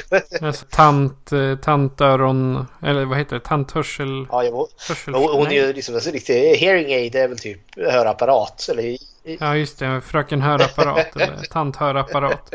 Hon är ju skvallertanten. Uh, det är lite pastischer på, på folk överlag kanske. För vi har ju vad är det, Miss Torso. Eh, han har ju så roliga smeknamn på alla de här. Miss Torso är ju någon en ung liksom, fotomodell som alltid är uppe tidigt på morgonen och gör sina gymnastiska övningar. Och, och, först... Ja, man förstår ju att han har ju blänkt lite på henne. Han tycker väl att hon är vacker. eh, och så har vi Miss Lonely Heart, fröken ensam där som bor längst ner. Och hon, som är så olyckligt kär. Och så har vi någon musiker, någon man som håller på och komponerar eh, pianomusik verkar det som. Och så har vi ett nygift gift par som verkar komma in som inte får se så mycket för de lyfter frun över tröskeln där och sen drar de ner eh, vad heter det, persiennerna. Eller ja, rullgardinen är det väl. Och så får man bara se ja, med... precis. Den är neddragen nästan ja, hela tiden. den eh, öppnas ibland. Då han, maken där, kommer ut liksom rufsig i håret och verkar liksom som att han tar sig någon form av suck och liksom någon eh, röker någon cigarr medan han fru, hans fru ligger där inne och ropar på honom. Så det är underförstått att de liksom har, det är antagligen deras smekmånad, de har antagligen sex nonstop verkar det som. Men det är liksom, det här liksom Hitchcock liksom sett eh, liksom att smyga in det. För jag menar 54 då är så här sex, det är väldigt hysch-pysch. Det här liksom, det nämns ju ingenting men läser man lite mellan raderna förstår man ju vad det är som försiggår där. Han eh, musikern, eh, nu ska vi se vad han heter, Ross Bagdasarian. Han eh, skrev faktiskt The Chipmunk Song. Jaha. Som var med i The Chipmunks. Jaha, det var inte dåligt. 1958. Se där. Bara som en liten, att skjuta in där på sidan. Ja, ja. Nej, men det är det här som jag tycker är styrkan hos Hitchcock överlag. För liksom att det här, det här är intressant. Han lyckas skapa intressanta karaktärer överlag. Och framför allt eh, de, vad jag tycker är de tre huvudpersonerna som vi kommer att få möta. Och det är ju då Jeff spelad av James Stewart som då har brutit benet och sitter i rullstol och är ruskigt uttråkad. Och sen hans eh, fästmö är det väl, Lisa spelad av Grace Kelly. Och, Precis. och sen han, han har någon form av pass upp någon medelålders kvinna som heter Stella spelad utav Telma Ritter och jag tolkar att hon är någon form av hemtjänst eller något sånt där utskick. Nej, hon är sjuksköterska är som eh, är utsänd av försäkringsbolaget. Ja, som är där liksom för att se till att han är i, ja, inte vet jag, i, i trim efter sin återhämtning. Att han får hjälp och väl, väldigt bra försäkringsbolag ja. som har egna sköterskor. Det här är ju de tre personerna och det här jag tycker liksom att Eh, det som är Hitchcocks liksom styrka framförallt är ju, eh, alltså för det är ju väldigt mycket där de egentligen bara sitter och har dialog med varandra. Och de är ju liksom lite olika karaktärer. Jeff, James Stewart där, han är ju liksom den här ja inte vet jag, han är ju hemskt uttråkad och lite misstänksam och äventyrssökande. Hans, hon sjuksköterskan Stella där, hon är ju liksom min favoritkaraktär för hon är ju som någon form av rivjärn eh, till människa. Liksom hon, hon har varit med förr och liksom skräder inte med orden. Och sen... Hon är ju med på hans... Eh, alltså hon frågar vad han har sett. Mm. Sen hon var där sist. Liksom, ah, hur går det med för Miss Lonely Heart? Jajamensan. Hon fröken Torso, har du stirrat något mera på henne? hon är verkligen värsta coola tanten ja. där. Och sen då Lisa, hans fästmö Grace Kelly. Där. Hon är ju liksom det är väldigt mycket mer feminina, mjuka. Men hon är ju också typ Pff, eh, hon, hon, kommer ju typ från societeten. Liksom. Hon kommer med en känsla liksom, av stil och finess. Eh, ja, hon föddes inte fattig nej, om man säger så. och det är väl det som är den första liksom, spänningspunkten här då. För han, eh, James Stewarts karaktär, han får ju nog eh, tolka ju som att han har ju livnärt sig som någon eh, fotograf där han har varit liksom i krigszoner och han har liksom uh, han är där liksom det, där det liksom händer. Eh, på ganska farliga grejer överlag. Men också kanske inte så enormt ekonomiskt bemedlad. Kontra då Grace Kelly som då är den här rikemansdottern. Men, eh, och hur de har träffats det framgår inte men de det har de. Eh, och hon är väl väldigt för att gifta sig. Och han är inte det. Jag tolkar som att han har typ fått kalla fötter. Eller liknande. Alltså hon vill ju att de ska bo i samma, i samma bostad. Alltså typ samma lägenhet ja. och sådär. Och på den tiden så var det ju liksom, du flyttade inte ihop förrän du hade gift dig. Ja, typ så. Eh, och han, är, jag tycker att han är ganska oförskämd, det måste jag vilt erkänna. Han, Om något, ja. man vart ju nästan upprörd. Ja, Nej, men han är ju verkligen så här, oh, han gillar det ska, det ska vara, man ska eh, gå i träsket och man ska liksom eh, mansgöra och han, han, han har sådana fördomar mot hennes sätt att leva, liksom att hon att han skulle röra sig i societeten på något vis och vänster. Och jag tycker att han bara är dum för hon jag menar, hon, eh, Grace Kellys karaktär är ju liksom både rolig, charmerande, smart, vacker. Hon har liksom, och rik till råga på allt. Jag menar, så, även om man hade tagit bort hennes rikedom så hade det här varit liksom ett kap eh, till människa att bli ihop med känner jag. För det, är liksom, det håller ju nästan på att ta slut. Han är, det, det är någon eh, scen där då han liksom verkligen öppnar upp och tycker liksom att men det här blir inget bra och hon, hon lämnar liksom och känner som att hon eventuellt liksom inte tänker komma tillbaka hintas det om.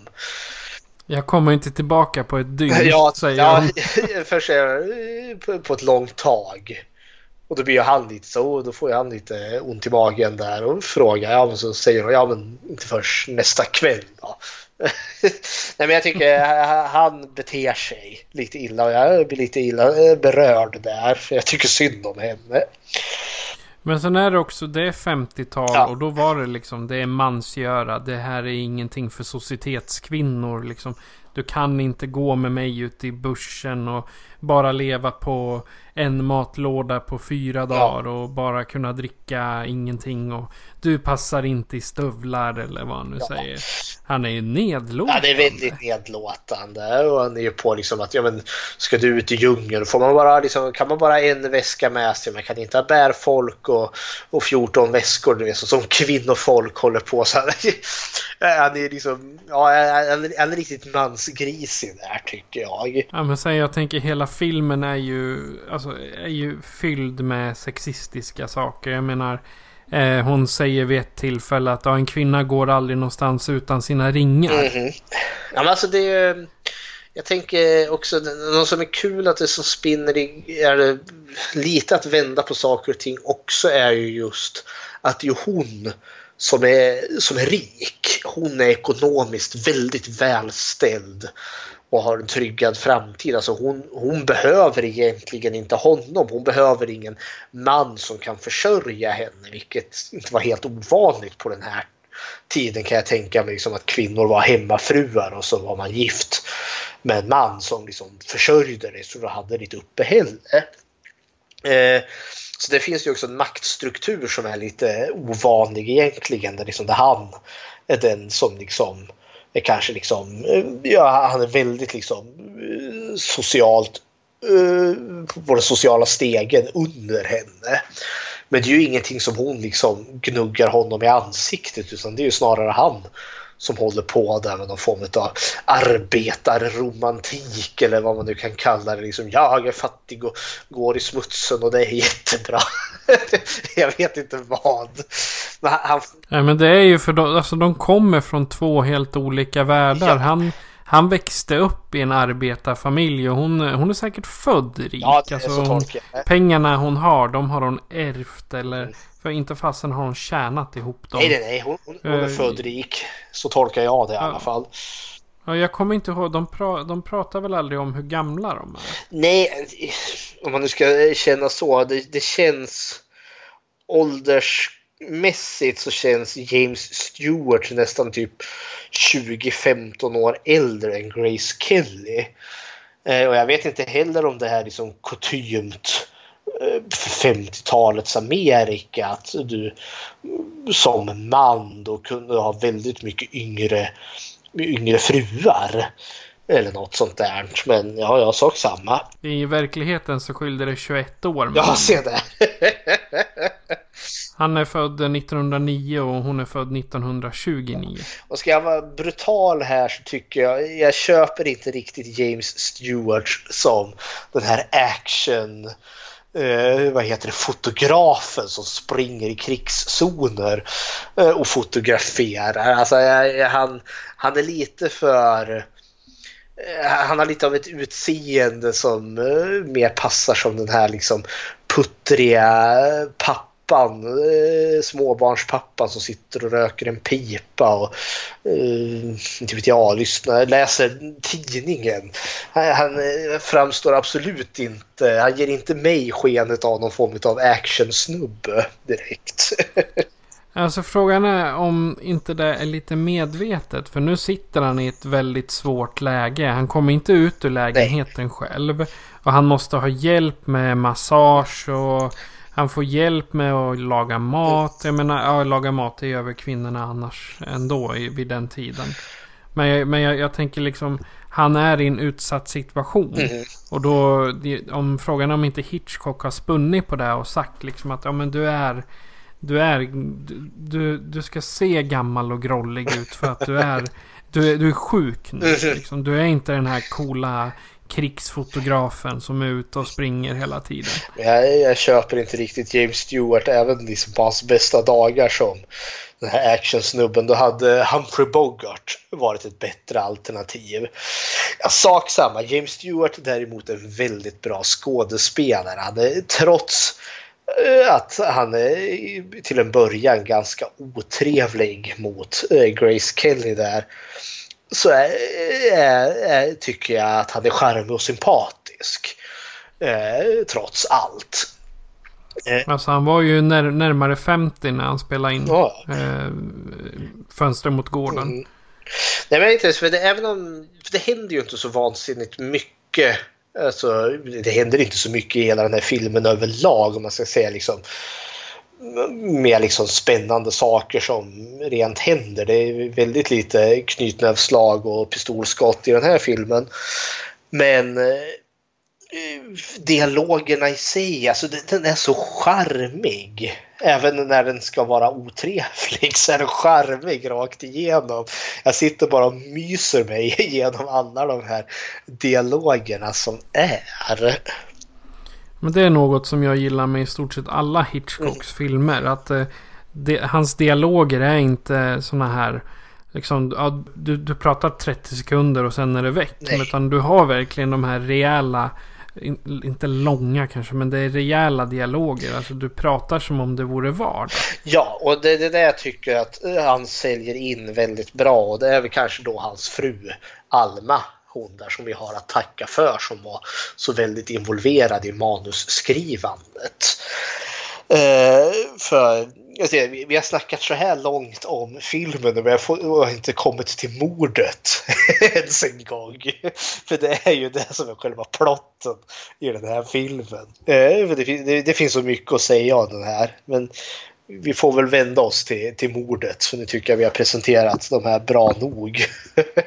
Ja, alltså det, det är mera en riktig karaktärsstudie än vad det är en, så att säga, en regelrätt skräckfilm. Ja, gud nej. Det är där man ska säga. Det här är typ som, jag skulle kalla det som någon form av thriller-komedi. Skulle jag se den här filmen som. Men då har vi väl då mördaren. Eh, som bor då mitt över eh, i det här lägenhetskomplexet.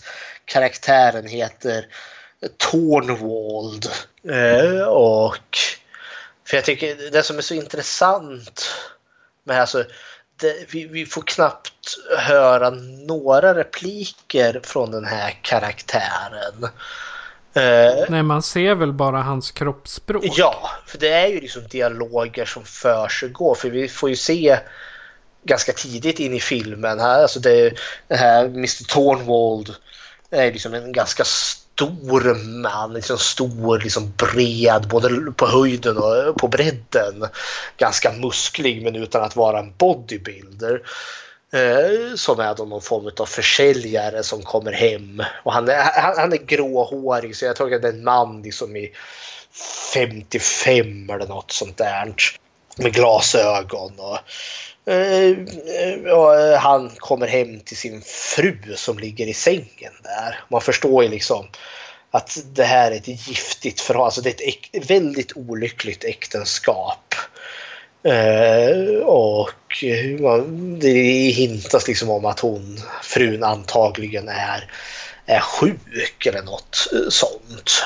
Jag tror de säger no någonting med senil eller dement eller något. No Någonting sånt. Ja. Jag för mig sköterskan nämner det. Ja, men det är, det är det här som är tjusningen med filmen. Alltså att vi, eh, det är väl liksom han själv, eh, James Stewarts karaktär som har sett och spionerat här på dem i, sin, i, sin, i sitt uttråkade tillstånd.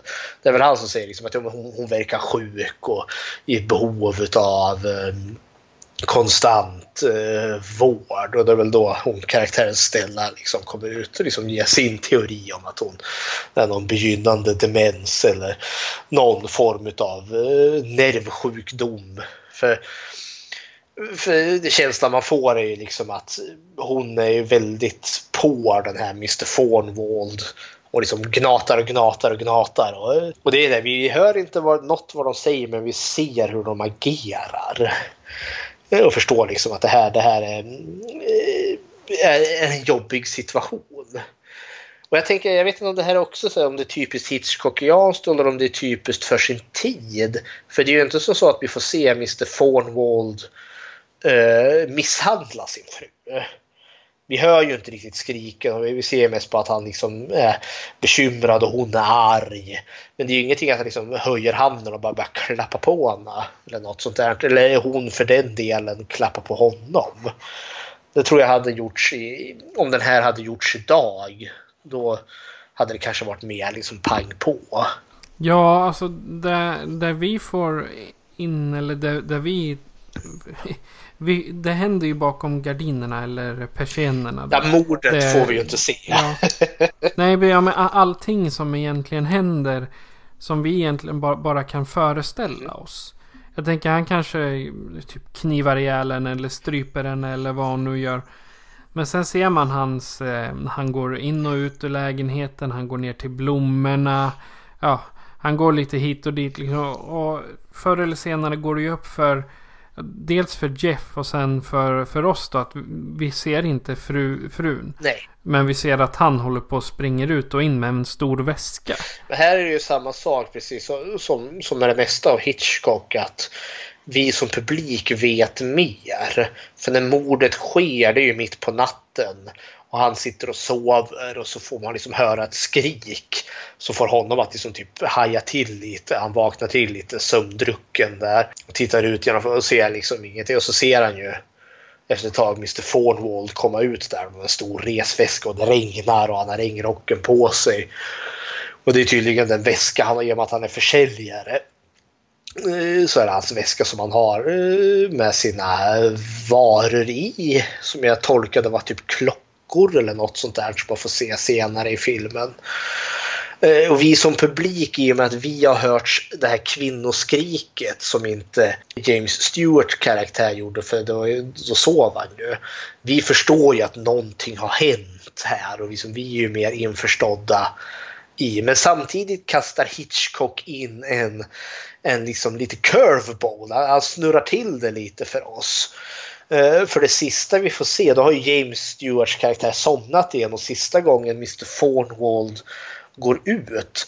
Då går han ju nämligen ut med en kvinna vars ansikte vi inte får se för hon är liksom döljd i en, i en överrock och hatt. Så det blir ju lite så här att, ja men vad nu då? Är det där hans fru? Eller är det inte hans fru? Så det tycker jag är, samtidigt där vi som publik får veta mer så ger Hitchcock också eh, ett mer mysterium än han vanligtvis brukar göra med den här filmen. Ja, alltså för, för sen är ju han och tjatar på sin poliskompis också. Ja. Att eh, liksom, ja han har skickat iväg ett paket eller eh, hit och dit. Ja, är det uthämtat? Ja, det är uthämtat. Av vem då? Och så säger han vem det är då. Ja. Och då är ju, det blir det här mysteriet. Vem, vilken kvinna var det han gick iväg med egentligen? Jo, för bilderna, för han fattar ju misstanken efter ett tag att Mr Fornwald har mördat sin fru och kopplar ihop det här med de här väskorna. Och det visar ju sig att, vad är det, som du nämnde för hans poliskompis där, som checkar för den här väskan som har skickats iväg. Liksom, och den kasserades då ut utav just eh, hans fru.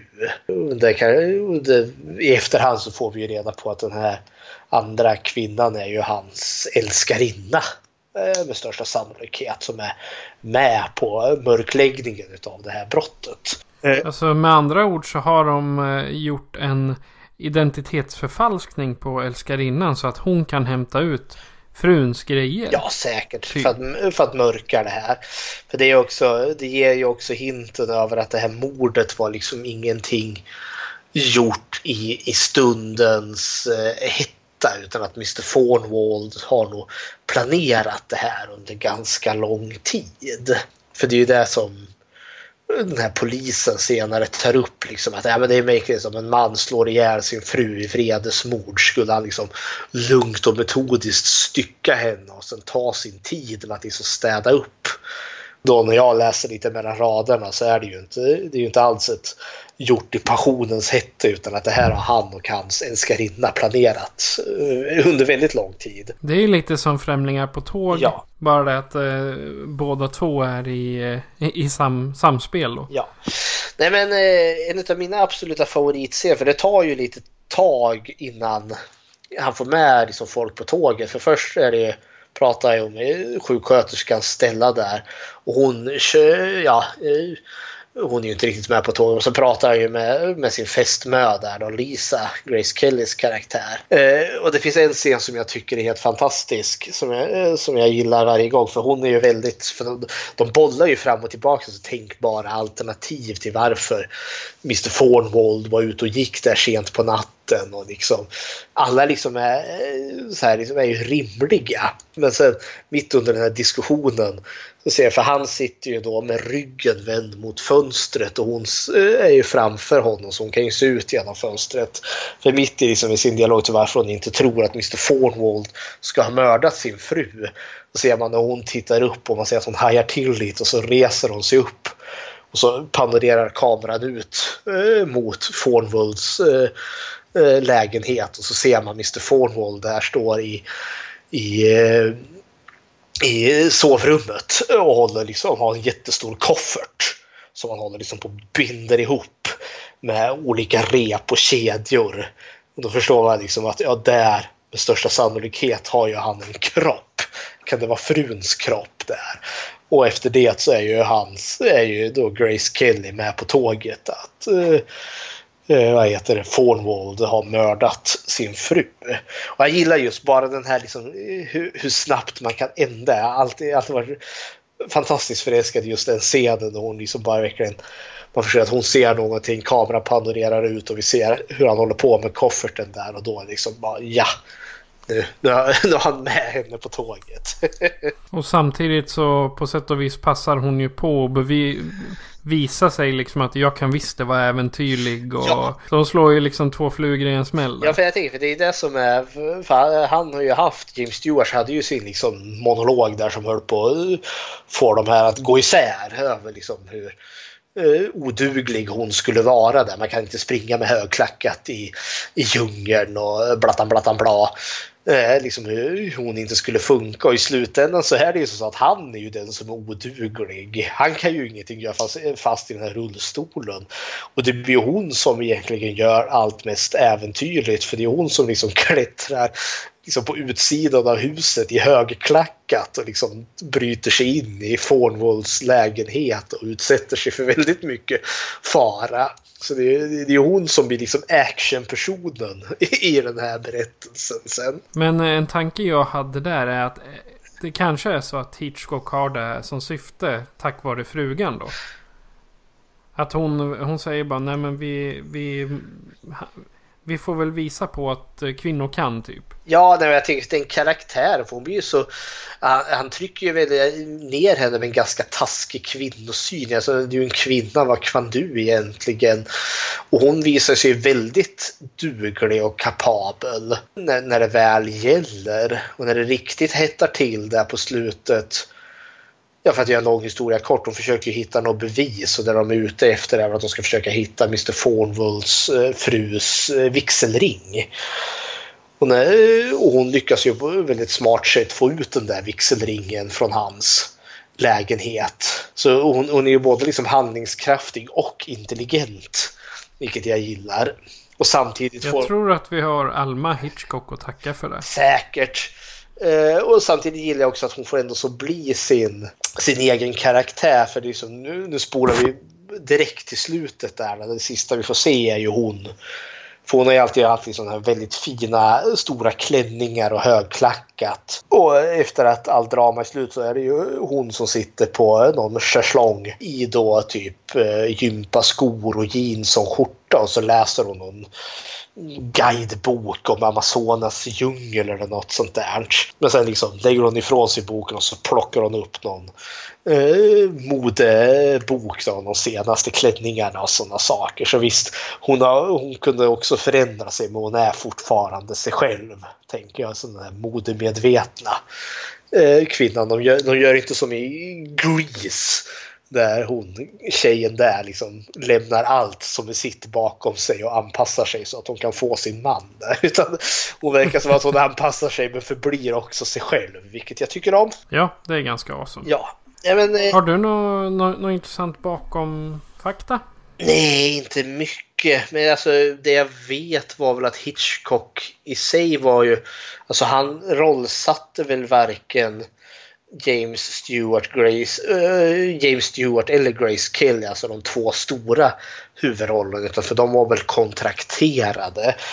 Och så vitt jag vet så var han väldigt mycket mer intresserad av att liksom rollbesätta de här grannarna. Eh, väldigt mycket mer och det var väl liksom det han någon deal han gick med. Eh, vad är det? det är Paramount som gjorde det här. Liksom sa att ja, men, ni får rollbesätta vem fan ni vill. Så länge jag liksom får full frihet att rollbesätta alla andra eh, liksom bikaraktärer. Så eh, det är väl det jag vet. ja, men jag, jag kan starkt rekommendera eh, jubileums Blu-rayen. För det fanns hur mycket extra material som helst. Mm.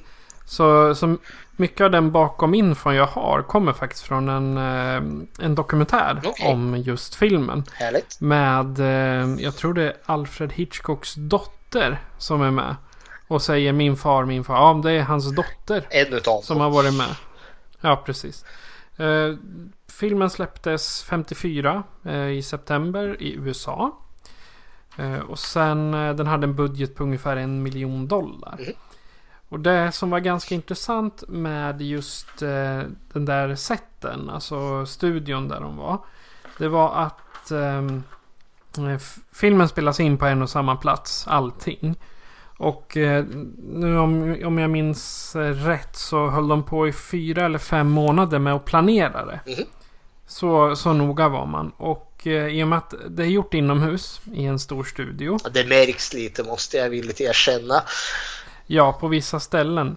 Men eh, även där då, i, i den studion, så fanns det inte plats för trevåningshus. Okej. Det här eh, det är ju ett, ett trevåningshus alltihopa. Mhm. Och eh, då var man alltså tvungen att tömma förrådet under eh, det här huset. Eh, alltså för under alla de här sätten fanns det förvaring för typ eh, möbler och verktyg och sånt där. Och då var man tvungen att tömma den. Det var källaren i stort sett. Sen bröt man upp hela golvet. Mhm. Så där man ser på marken. Det är alltså i källaren i stort sett. Se där. Och eh, alla skådespelare som var eh, i lägenheterna. De hade öronsnäckor. Och där kunde Hitchcock ge dem eh, instruktioner om hur de skulle agera och vad, vad de skulle göra. Så det finns ju en väldigt rolig scen när det regnar och de här två personerna på, på balkongen håller på att tappa madrassen och så. Mhm. För då var det, då, då sa de till den ena. Den, den ena fick eh, de här öronsnäckorna och så sa Hitchcock gör så här och så här. Och sen gav, sa han ge den andra öronsnäckorna. Så att då, de fick liksom inte veta vad de skulle göra samtidigt. Nej, nej. Utan de, och så gav han dem varsina instruktioner. Ja, för att det skulle bli så kaosartat som möjligt där. Precis, så den, den scenen de gör, den är autentisk. De, de vet helt enkelt inte åt vilket håll de ska dra. Och sen efter så hade de, eh, så alla lägenheterna som är gjorda, de har både el och vatten så att man kan bo i dem. Och eh, Grace Kelly, hon vägrade att röka under sina filmer. Ja, ja. Men inte när det gällde Fönster mot gården. För det är enda filmen som hon eh, tog en cigarett. Se där ja. Och eh, just eh, Fönster mot gården, det var under den tiden Hitchcock mådde som bäst. För han hade precis gått ner drygt 65 kilo. Oh. När han var just här och spelade in. För Och jag sen vet ska vi att det, det är en av hans cameos i en tidigare film. En del av hans sinne av humor. Vad är det? Eh, nu kommer jag inte ihåg vilken film det är, men det jag vet att det är en film då man, det är någon som öppnar en tidning och så ser man reklam. Liksom. Den fantastiska bantningsdieten och då har man en bild på just eh, Hitchcock innan sin diet. Då han är jättestor och sen en bild på honom efter när han hade lyckats gått ner allting i vikt. Exakt, och, och det, det ser man ju också på hans eh, cameo när han är uppe hos musiken och drar upp klockan där. Att han är ju bra liten. Ja, alltså, som, eller ja, han, han är ju Ja fortfarande men lite när man, har, småburnig. ja, men, när man har sett hans andra bilder när han är stort som ett hus. Ja, jo. Så, så, så mager som han är i den här filmen har han inte varit i någon annan film.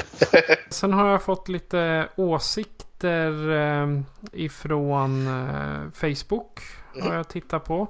Instagram och Twitter var tomt. Oj nej. Eh, och då har Jimmy, han, skrev, han sa kort och gott väldigt bra film. Snygga kulisser.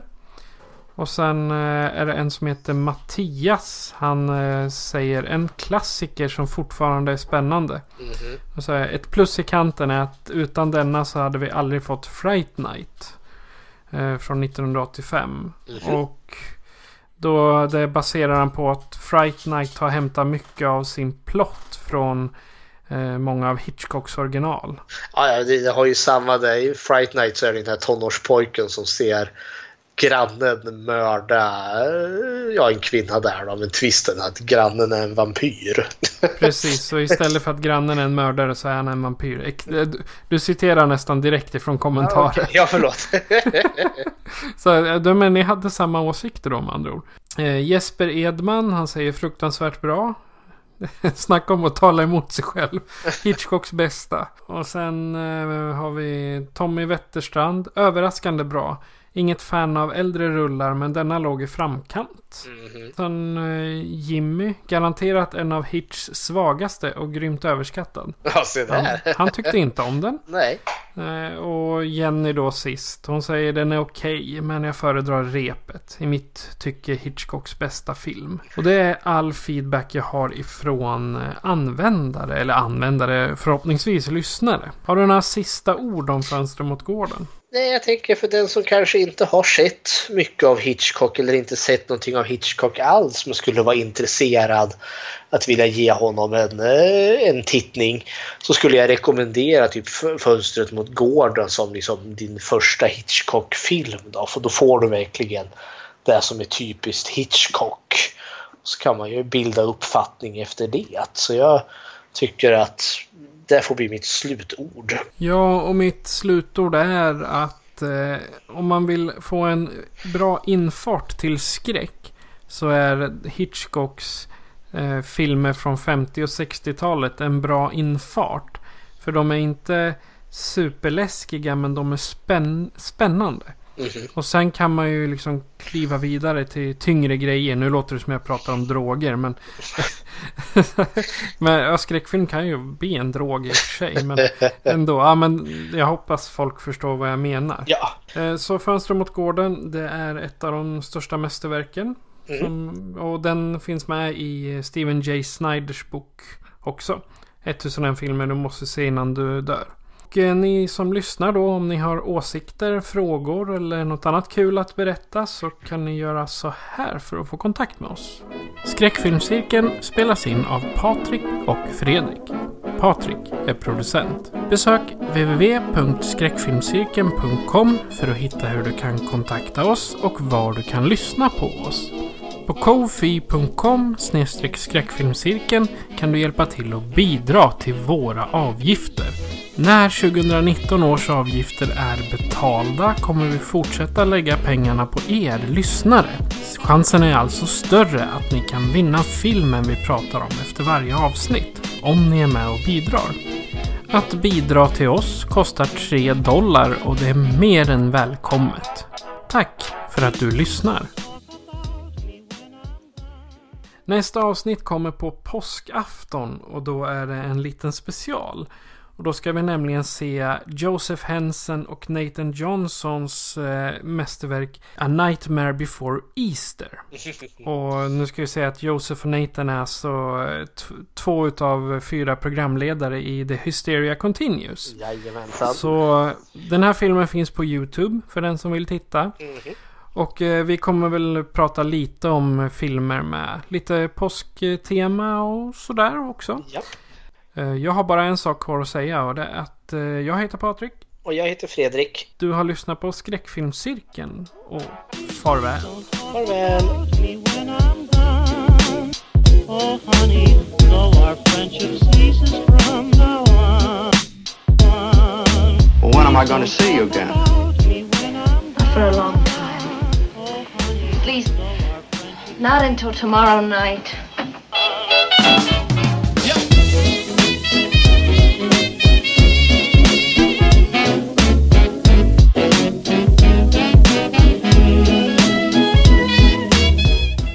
Thank heaven that's over. All right if I have a drink? Sure,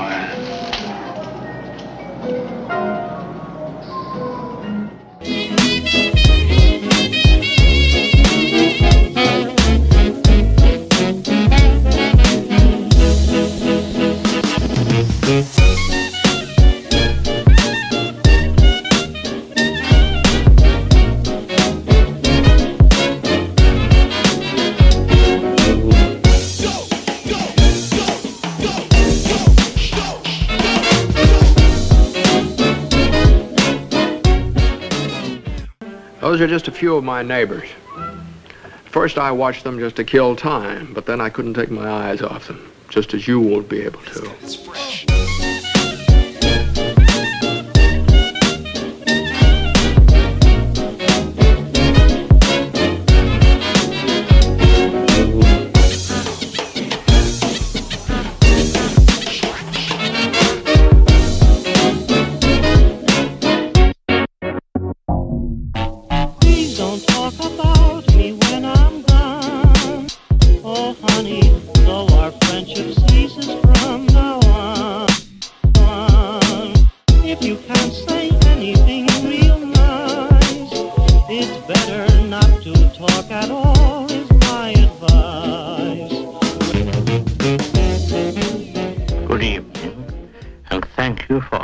Me to come into your living rooms.